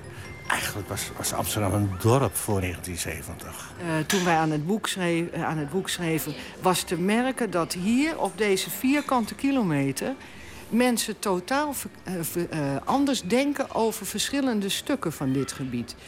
Wij hebben uh, in ons boek uh, komt Jan Smit voor, die had een café. En dat is hier vlak tegenover. Jan Smit komt niet in Café de Zon, wat 10 meter verder ligt, want dat is de dijk. Hij zit, hij zit hier op de Nieuwmarkt en op de dijk, daar kwamen we niet. De mensen van de overkant kwamen ook niet hier. Want dat was, dat was burgerlijk. En de mensen achter in, uh, achter in de Koningsstraat... die kwamen weer niet hier in dit stuk van de Nieuwe Markt. Want dat hoorde toch een beetje bij de wallen. En daar keken we op neer. Dat, ja, dat, dat, dat vind ik zo fantastisch. Dat dat zich binnen een vierkante... Nou ja, niet eens kilometer, denk ik. vierkante 500 meter. Het is de, de kleinschaligheid die je terug ziet in de jaren 50. Ik ben, ik, ik ben, mijn eerste jaar heb ik doorgemaakt in de Kinkerbuurt. Ik bedoel, twee straten verder was een andere buurt. Dat is een andere wereld, daar kwam je niet. Ja, om te vechten. Uh, dat, dat, dat, die, die wereld was niet groter dan een paar straten. Kind van de jaren 60, die ik dan ben heb ik altijd gedacht dat, dat de jaren 60 een soort revolutie waren. Een vernieuwing in de tijd. Nu ik dat boek heb geschreven, realiseer ik me dat de jaren 60 het einde van een tijdperk is. De jaren 60 hoort nog bij de oude romantiek. De werkelijke veranderingen beginnen in de jaren 70 en vooral 80. En dat zie je ook in dit café gebeuren. Op het moment dat andere soorten handelaren, kopers... Uh, het café gaan kopen, uh, uh, het café gaan inrichten. het café is dus altijd in handen geweest van, van één familie... met uitzondering van één periode van vijf jaar.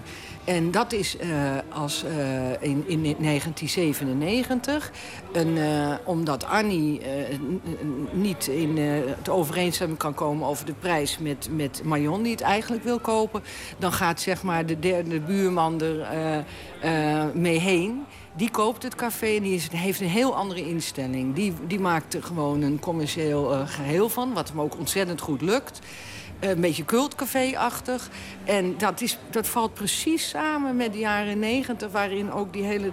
Uh, om, om een keer naar meer bedrijfsmatig werken... En, en kunstenaars die voor de markt moeten gaan leren werken... en ook de juppen, de, de Nieuwmarktbuurt... die eigenlijk in de jaren 50 nog haveloos was. Waarom, en wat wat de reden was dat er zoveel jonge kunstenaars een atelier hadden en daar woonden. De huren waren heel laag. Ja, die verandert in hoog tempo in een, in een juppenbuurt. Dus dat is helemaal die, die draai in de jaren negentig. Die zie je toevallig in dit café ook helemaal terug. Totdat die eigenaar uh, in Italië een leuk hotelproject uh, is gestart. En dan verkoopt hij het terug aan Marion. En op die manier is het weer in de familie. Het café is dus inmiddels weer in de familie. Maar dat is niet zonder slag of stoot gegaan. Dat, dat uh, heeft mede te maken met het feit dat de halfbroer van Marion is Dino Soerel uh, en toen Marion het café kocht, vroeg de vorige eigenaar zo verschrikkelijk veel geld... dat uh, zij dat niet kon uh, rondkrijgen bij de brouwerij. En zij heeft toen geld van hem geleend. dat was in 2002. Later, toen Dino in het veel meer en meer en meer in het criminele circuit terecht kwam... Was dat natuurlijk ineens een probleem. Want hij was mede vernoot zeg maar, van het café. Dus toen is er een einde aangekomen aan de samenwerking met hem. Uh, Marion heeft er een eenmanszaak van gemaakt. Het café, uh, het café is afgekocht uh, aan Dino Surel. Maar omdat justitie en de gemeente dat zien als crimineel geld... moest hij dat terugbetalen aan justitie. Maar daarmee was de zaak Surel eigenlijk formeel achter de rug. Toch heeft de gemeente, maar de gemeente heeft het café langer geplaagd dan alleen toen. Is jarenlang blijven zeuren en zaniken uh, over het feit dat dat ooit een keer uh, bij uh, de naam Soezel betrokken is geweest bij het café. ja, het was een familiegeschiedenis. Ook hij hoort bij de familie. Ook hij was een echte familieman, los van het feit dat hij crimineel is. Inmiddels is het gedoe met justitie voorbij en kan Marion zonder zorgen op een zonnige dag als vandaag haar klanten ontvangen op het terras voor haar Cotton Club. En als je haar vraagt wat nou het grootste verschil is tussen het café van haar grootvader en overgrootmoeder en dat van haar, dan zegt ze: Ik weet niet of dat een heel groot verschil is. Want in 1940, dat mijn overgrootmoeder begon, dat was dan mijn overgrootmoeder, toen was het eigenlijk een buurtzaak. En toen heb je dus later heb je de zaak met de kleurlingen gehad. En eigenlijk heb je nu weer een soort buurtzaak en toch hele ander publiek weer. Dus volgens mij zijn het alle drie de generaties andere cafés. En hield je opa heel erg van Nederlandstalig? Uh, toen is het een tijdje de jazz geweest. En Annie draaide ook weer uh, Nederlandstalig. Wat draai jij? zo. Zo. Eigenlijk in zo. Ja. ja. Motown en dat soort dingen. Ja. Maar geen uh, Hollandse smartlappen? Af en toe. Soms. Die kan je makkelijk meezingen, toch? André Hazes, hè? Bloed, zweet en.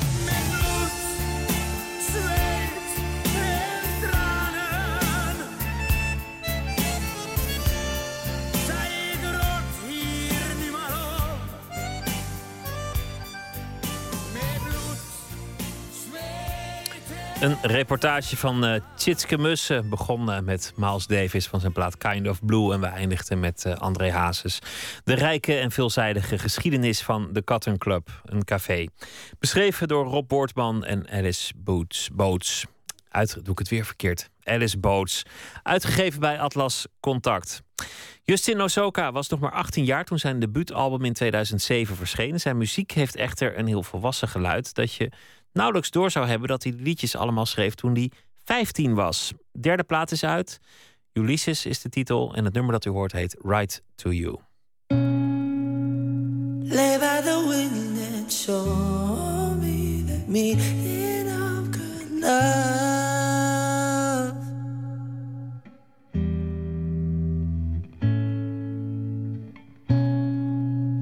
If I we believe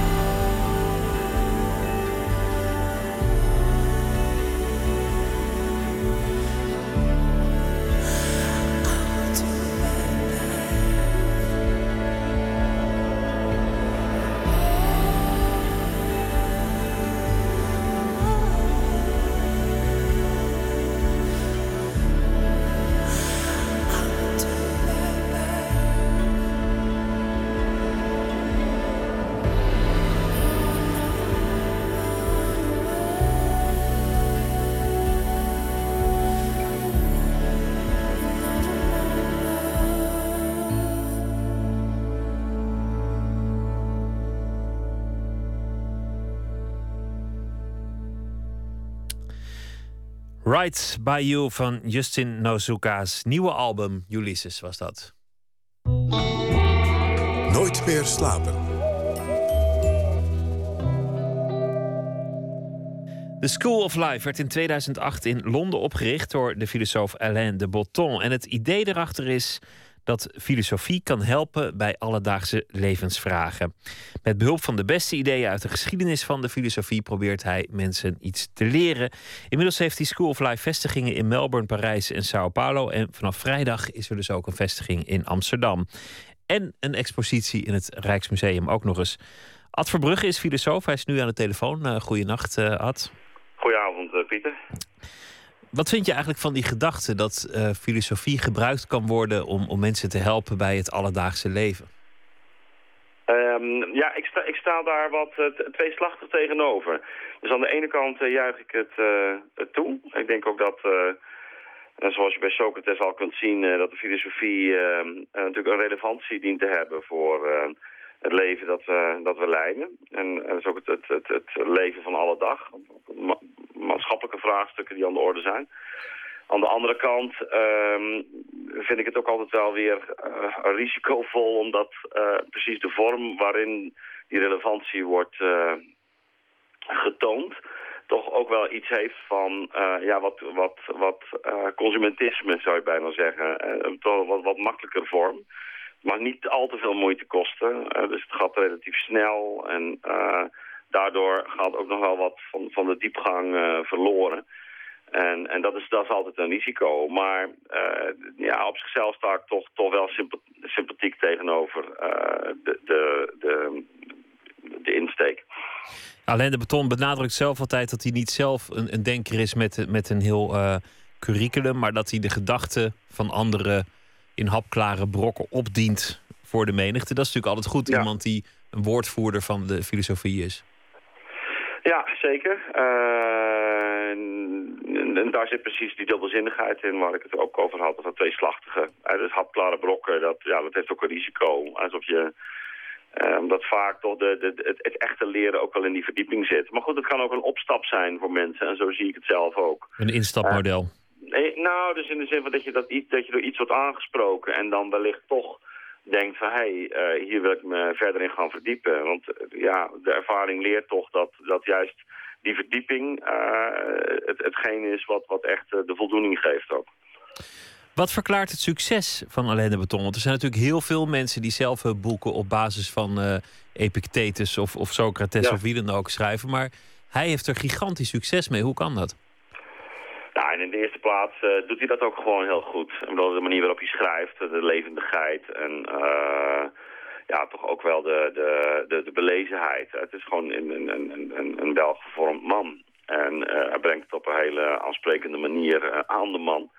Dus ik, in, in, dat opzicht is te begrijpen. En ik denk ook dat de behoefte op dit moment vrij groot is. Dus als je kijkt naar onze huidige culturele landschap. Uh, ja, uh, de vaste politieke ideologieën die, die zijn toch wat verdwenen.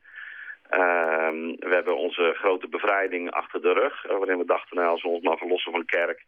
Dan, en, en, dan, dan komen we vanzelf wel in een, een hele fijne wereld terecht. En ja, je merkt dat, dat het verdwijnen van zowel die, die, die politieke uh, ideologische horizon als die uh, religieuze horizon, ja, mensen natuurlijk uiteindelijk wel op, op zichzelf terugwerpt. Van ja, wat, wat doe ik dan? Uh, wat betekent werk precies voor mij? Of wat zijn relaties?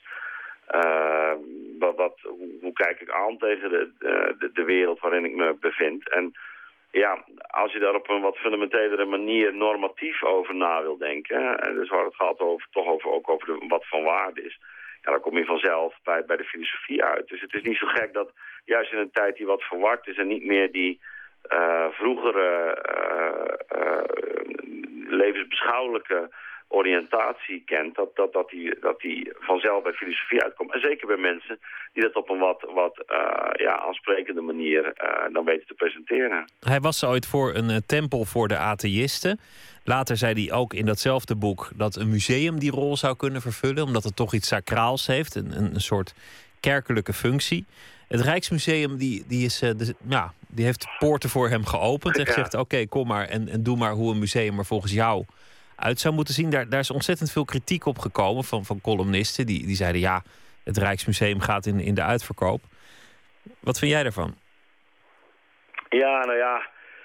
Uh, ik kan geen oordeel over vellen, want ik heb het nog niet gezien. En ik, ik bedoel, ik, ik, vind, ik vind wel dat je, dat je iemand voordeel van de twijfel moet geven, wat dat betreft. Uh, kijk, wat hij natuurlijk probeert is dan ook om, om vanuit zijn uh, achtergrond uh, kun, kunst ook betekenisvol te maken voor, uh, voor het leven. En uh, ja, in, in hoeverre uh, hij daarin slaagt door, door dat op een bepaalde manier te presenteren, ja, dat, dat kan ik niet overzien. Laten we maar, gewoon gaan kijken en dan, en dan ja, zien we dat. Ik, precies, ik zou er maar gewoon gaan kijken en kijken of het iets extra brengt ten opzichte van wat, wat je kent. De School of Life is er dus in Amsterdam vanaf vrijdag en het Rijksmuseum. Maar er is natuurlijk meer te doen. In juni organiseer jij zelf een serie debatten onder de naam De Nacht van de Universiteit. Moet een groot evenement ja. worden. Vertel eens wat dat wordt.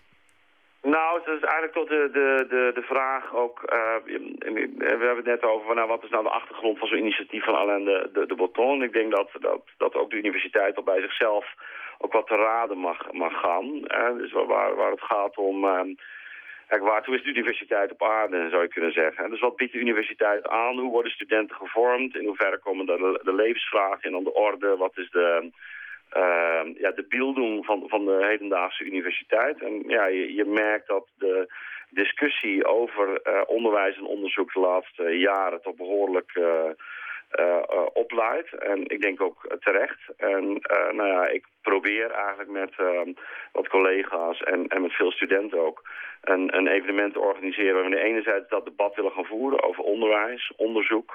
Ehm, en wat is het karakter, wat is de kwaliteit van het onderwijs, massaliteit, maar ook, ook uh, ja, het, het niveau en wat wordt, er, wat wordt aangeboden, wat wordt er gevraagd van studenten. Uh, maar aan de andere kant de discussie rond het onderzoek. Uh, is er ruimte voor wat, wat, wat, ja, wat, wat minder specialistisch onderzoek? Of wat, wat, wat is de huidige onderzoekscultuur eigenlijk, zoals we die zien? Um, ook binnen, uh, binnen de humaniora of de geesteswetenschappen bijvoorbeeld. Want dat sluit, dat sluit eigenlijk aan bij wat Alain de Beton zegt ja, over, over het museum en over de School of Life. Ja, nee, eigenlijk dus, gaat hier de vraag, wat is een universiteit? En zou die eigenlijk niet meer moeten doen dan alleen maar uh, titels en bullen uitreiken? Dus het is eigenlijk de vraag naar inderdaad, wat, wat, wat doen we uh, op dit moment op de universiteit? Wat is de afgelopen decennia veranderd? Er is bepaalde onvrede bij studenten, ook bepaalde onvrede bij uh, hoogleraren en docenten. En nou ja, die vragen willen we eigenlijk die, die avond aan bod laten komen, maar ook... Uh, dus met veel debatten, uh, maar ook door uh, documentaires en films te, te, vertonen. Ook door prachtige gastcolleges te laten verzorgen door, door mensen als Vincent Ike bijvoorbeeld of James Kennedy, Bas Jacobs. dus echt, echt ook mooie, mooie colleges. En, en, en ja, daarnaast is er ook cabaret, muziek. studenten Kortom, kunnen volop het, meedoen. Het wordt Ja. een mooie avond. Het Ad een mooie nacht van 8 uur s'avonds tot 8 uur s ochtends. Dus we eindigen natuurlijk met muziek. oh, dan kan ik ook eh, nog een stukje meepikken. Dat is Jij gezellig. kan, jij kan ook een stukje meepikken, ja. En, en het, eh, we gaan eh, binnenkort onder Nacht van de Universiteit online. Dus ik geloof zelfs al dat dat op, as we speak gebeurt. Dus ik raad iedereen aan om dat de komende tijd in de gaten te houden. De nacht van de universiteit. Ad Verbrugge, dankjewel. Een hele goede nacht. Graag gedaan, insgelijks. Behind these eyes, desert spirit, sea serpent heart inside a sunken ship. I finally got it, all parts wrong. I didn't know how long it would take to do it. Behind these eyes, dead gray torn apart moon in an empty room. It's easier now, I just say I got better. It's easier now, I just say I got better. It's easier when I just admit death comes now and the next minute behind these eyes. Dead gray mule, torn apart Behind these eyes, dead gray mule, torn apart room in an empty room.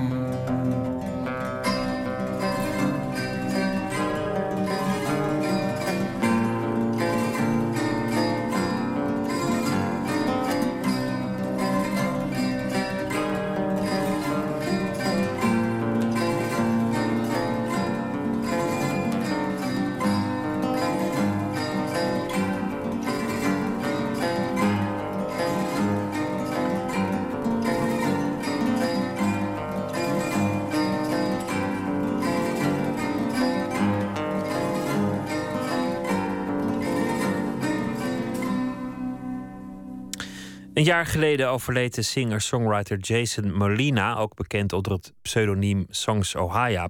Vrienden namen toen het initiatief om een eh, ode aan hem te brengen. Dat album is er nu, Wary Engine Blues. Een jaar na die dood. En eh, allemaal liedjes van Jason Molina, gespeeld door anderen. En dit was de Amerikaanse zanger Mark Koselek met een uitvoering van het nummer It's Easier Now. U luistert naar Nooit meer slapen van de VPRO. Hij stopt ermee, de nu 72-jarige animatiegrootmeester Hayao Miyazaki. Hij heeft aangekondigd dat The Wind Rises zijn laatste speelfilm zal zijn. Het zijn geen kinderfilms die de Japanse regisseur maakt, of tenminste niet alleen kinderfilms. Floortje Smit praat met Pim Weijers, hij is hoofdredacteur van Preview. En hij studeerde af op het oeuvre van Miyazaki. Which world will you choose? I just want to create beautiful airplanes. Like that?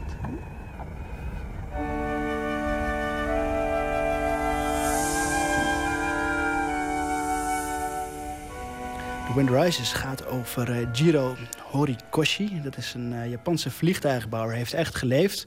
Hij is heel erg bekend geworden met zijn, uh, met zijn gevechtsvliegtuig, de Zero. In de Tweede Wereldoorlog domineerde die het luchtruim, vooral in de Pacific. nou ja, zou je kunnen stellen dat het een oorlogsfilm is, maar dat is het eigenlijk allerminst, omdat Hayao Miyazaki, de regisseur, dus toch echt vooral een pacifist is. En die scheidslijn zie je heel mooi terug in die film.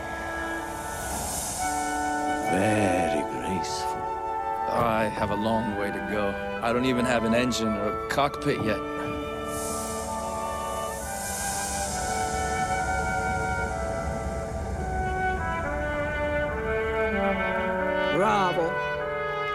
A beautiful dream.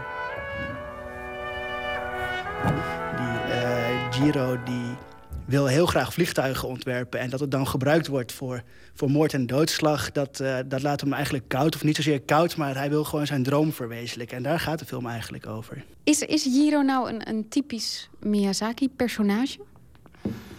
Nee, allerminst eigenlijk. En dat is wel bijzonder, omdat de meeste Miyazaki-films... die gaan uh, over een aantal thema's. Onafhankelijkheid, over natuur, over hoe het heden het verleden inhaalt... En uh, die personages die worstelen daar allemaal mee, zijn hoofdpersonages. En hier is dat eigenlijk niet het geval. Dit gaat gewoon over een, een dromer. Een man die maar één wens heeft. En dat is zo mooi mogelijke vliegtuigen bouwen. En dat sluit wel weer aan op zijn grootste passie. Uh, op de passie van Miyazaki. En dat is vliegtuigen. Het is gebaseerd op, op echte personages, zei je. Doet hij dat vaker? Uh, dit is, dan moet ik even goed nadenken... de allereerste keer dat hij ook een biopic maakt, inderdaad. Hij heeft uh, hiervoor zijn het allemaal ja, een beetje sprookjes wat hij voornamelijk heeft gemaakt. Uh, Japanse sprookjes met veel Japanse mythen erin. Uh, die ook echt teruggrijpt op, uh, teruggrijpt op Shinto, op het uh, Japanse geloof. En dat is allemaal niet aan de orde hier zo. Ja. Um, wie is Miyazaki? Miyazaki, nou het begon met hem als, als animator al gelijk toen hij, toen hij jong was. Een, nou, een Japanse regisseur is hij dus natuurlijk. Maar hij begon geloof ik zelfs met het maken van manga's, van, van, van Japanse strips. Hij is vervolgens aan de slag gegaan bij Toei. Dat is, ik weet niet of ik het goed uitspreek, maar Japans is niet zo heel goed. Maar dat is een grote animatiestudio. Hij heeft veel tekenfilms gemaakt, ook in de jaren 60 en 70. vervolgens is hij een speelfilm gaan maken toen is hij in, uh, in 1984 heeft hij zijn levenswerk uh, verfilmd. Hij heeft toen een manga gemaakt die heet Nausicaa of the Valley of the Wind. Een hele grote manga, die is in heel veel delen uitgekomen in een of ander manga magazine. Dat was heel erg populair. Dat is een heel erg succesvolle film geworden in Japan. En met dat succes is ook zijn studio opgericht, Studio Ghibli. En onder die studio is zijn vervolgens echt is het ene na het andere succes uitgerold. Prinses Mononoke was in 1997 was, de best bezochte film in Japan sinds de uitvinding van film. In hetzelfde jaar kwam Titanic uit en die verbrak dat record weer. Maar dat zegt wel ook over de, wat over de populariteit van, uh, van animatie in het land. Nou, vervolgens pakte hij een Oscar uh, met Spirited Away. En daarmee brak hij eigenlijk ook definitief door, de, definitief door in het Westen. Mensen die, die stromen massaal naar de bioscoop als er een nieuwe van Miyazaki uitkomt. Isao Takahata, daar heeft hij het samen mee opgericht. Ook hij is echt een heel erg groot animatieregisseur. En samen ja, uh, het is ongekend uh, hoe populair films daar zijn uh, van zijn hand.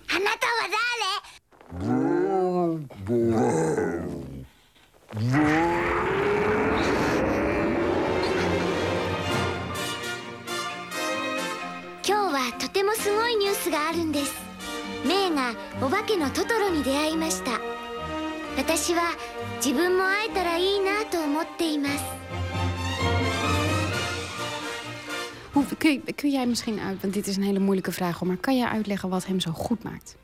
Dat is inderdaad echt een heel erg moeilijke vraag. Maar wat, ik, wat mij zelf enorm aanspreekt in zijn oeuvre is uh, bijvoorbeeld, laat ik uh, Disney als, uh, als, als, als westerse tegenhanger noemen. Daarin wordt het geschil tussen goed en kwaad altijd beslecht. het goede wint altijd eigenlijk van het kwade. En in de films van Miyazaki is dat nooit het geval, of bijna nooit het geval. Um, het kwade wordt wel verslagen, maar eh, het gaat nog wel door. Er wordt nooit een kop afgehakt van iemand. Eh, ik zal even een voorbeeld noemen in de film... ehm, in de film My Neighbor Totoro bijvoorbeeld. Daar is eigenlijk geen slechterik in die film, wat ook al bijzonder is. Maar het gaat over twee meisjes van wie hun moeder ziek is. En zij vluchten een fantasiewereld in. En daar komen ze Totoro tegen. Dat is een heel groot knuffeldier. Ehm, ja, de slechterik in die film is eigenlijk een beetje de ziekte van die moeder. En op het einde wordt ze wel beter, maar ook niet helemaal zeker. Die film die speelt een beetje op een scheidslijn van het volwassen worden. Het oudste zusje die moet eigenlijk de moederrol overnemen. Zou die moeder uh, overlijden? En uh, ja, zij vlucht dan ook die fantasiewereld in... omdat ze dat nog niet aan kan, die verantwoordelijkheid. Uh, op het einde weet je gewoon niet zeker of moeder wel of niet overleeft. En dat maakt het heel erg bijzonder. Ik moet wel zeggen, dit klinkt niet heel erg als een leuke kinderfilm. Dat is, ja, inderdaad. Ik vertel het misschien inderdaad als iets heel zwaars. Maar het is echt absoluut een, een kinderfilm met heel erg volwassen thema's. En dat is ook inderdaad uh, goed dat je het aanhaalt, inderdaad. Want dat is heel knap aan Miyazaki. Hij, maakt, uh, hij weet uh, de jeugd zo invoelbaar te maken. Dat, dat die Totoro is een waanzinnig mooi knuffelbeest. En het is een enorm schattig ding. En kinderen die lopen ongetwijfeld allemaal weg met hem. Dus het is... enerzijds is het allemaal heel kinderlijk en heel erg heel kindvriendelijk. Maar wat ik al zei, die volwassen thema's die hij erin uitwerkt... dat uh, maakt het heel erg dubbel. Uh, en dat is echt heel erg knap.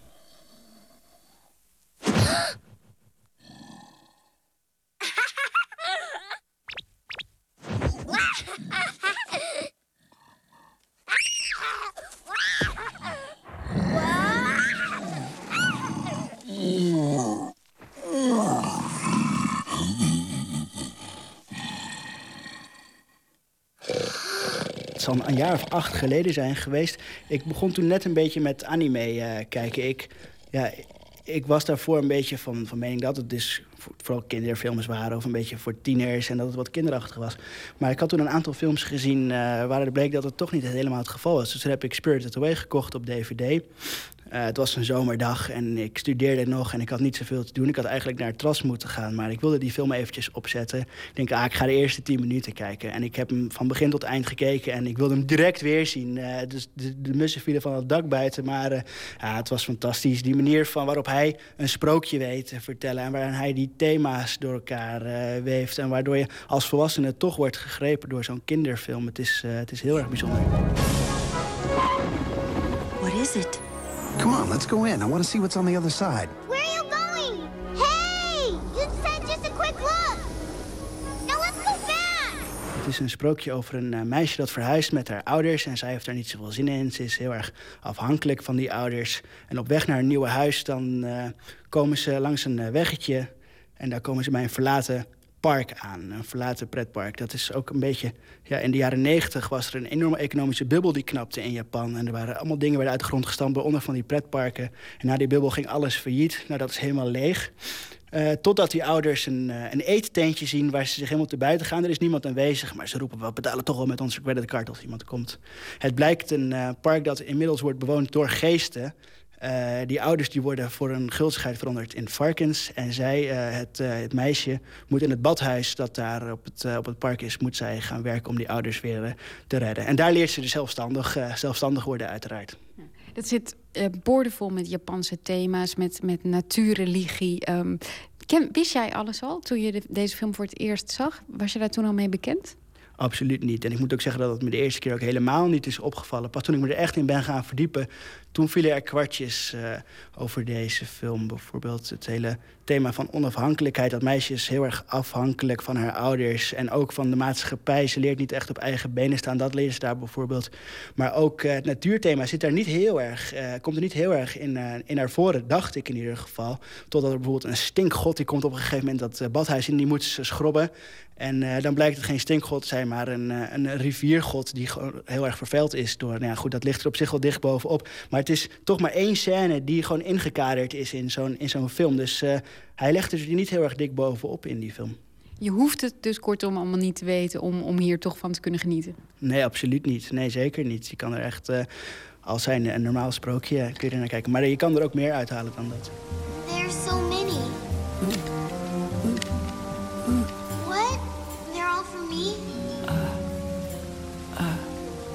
Thanks, but I don't need any more. Uh. No, I only need one. Hij is wel nostalgist. Eh, dat is geen goed woord. Ik vind dat het een bestaand woord zou moeten zijn, nostalgist. Maar hij is enorm nostalgistisch in ieder geval. Dus uh, ja, hij kijkt met heel veel passie en liefde naar het verleden, naar zijn eigen jeugd ook. Hij weet in, vanuit die passie weet hij ook heel goed jeugdigheid te vangen in zijn films. Uh, ook dat wat ik al zei, het, het Shinto bijvoorbeeld is voor hem super belangrijk. Uh, ja, dat wil hij graag verwerken in zijn films. Dat zit er eigenlijk in al zijn films. Ja. Ze, ze zijn ook een beetje nostalgisch om te zien misschien, hè? Want ze zijn nog steeds gewoon ouderwets handgetekend, toch? Klopt, inderdaad. Ja, ik weet eigenlijk niet waarom hij uh, niet overstapt naar, uh, naar modernere 3D-animatietechnieken. Maar ze zijn technisch wel heel erg goed. Die animatie is heel erg vloeiend. dat, daar kunnen westerse animatiefilms nog niet altijd aan tippen. The Wind Rises gaat uh, over vliegtuigen, zei je net. Die zie je best wel vaak hè, bij Miyazaki. Wat heeft hij met vliegtuigen, met vliegen? Het is, ja, kort gezegd, zijn, zijn grote passie. En daarom is dit... Het is geen typische Miyazaki-film, The Wind Rises. Om al die redenen die ik hier voornoemde. Het hoofdpersonage heeft niet zo'n conflict wat hij moet uit, uh, uitvechten in, in, in andere films van, van Miyazaki. Het heden haalt niet per se het, het verleden. En het is eigenlijk een best wel een rechtlijnige film geworden. Maar daarmee is het ook toch een beetje een slotstuk. Een soort slotakkoord van, uh, van zijn oeuvre. Omdat hij hiermee als dromer zijn grote passie verfilmt over een dromer die het vliegen najaagt. Want hij, hij gaat stoppen, hè? Ja, dat zei hij bij zijn vorige film, zei hij dat ook dat zijn laatste dat was. En dat zegt hij hierbij ook, maar ik geloof hem, uh, ik geloof hem wel. Hij lijkt daar wel redelijk definitief, uh, definitief mee.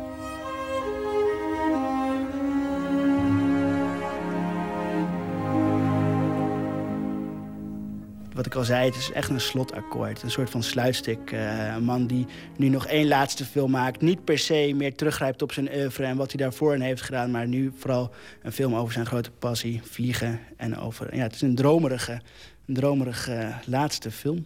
Als je kijkt naar The Wind Rises, um, denk je dat hij uitverteld is? Dat dat de reden is dat hij stopt?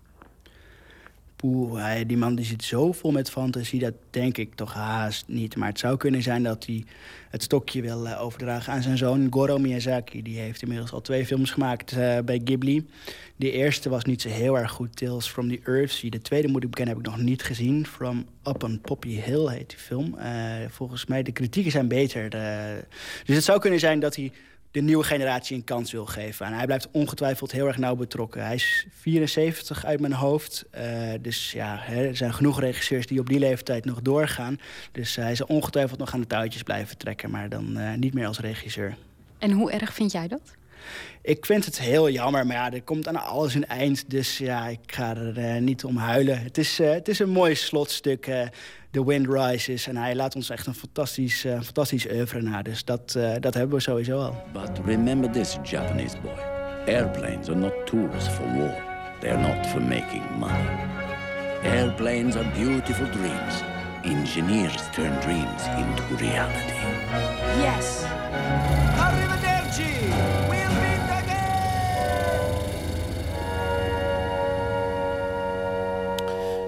U hoorde Pim Weijers, Miyazaki-kenner. En volgende week gaat The Wind Rises van Miyazaki in de bioscoop uh, vertoond worden. En ter ere daarvan zijn er deze week in AI in Amsterdam al een aantal van zijn beste films te zien. Dit was uh, Nooit meer slapen. Morgen zijn we er weer na middernacht. En dan komt actrice Margje Wittermans langs. Zij kruipt in de huid van haar grote idool Janis Joplin. Piece of My Heart heet uh, de muziektheaterproductie waarin ze dat uh, gaat doen. En wij praten dus morgen over uh, seks, drugs, rock'n'roll en Janis Joplin. Ik wens u een hele goede nacht. En op deze zender gaat Radio 1 verder met de Nacht van Jolen met Francisco van Jolen. Een hele goede nacht, morgen een leuke dag en graag tot dan.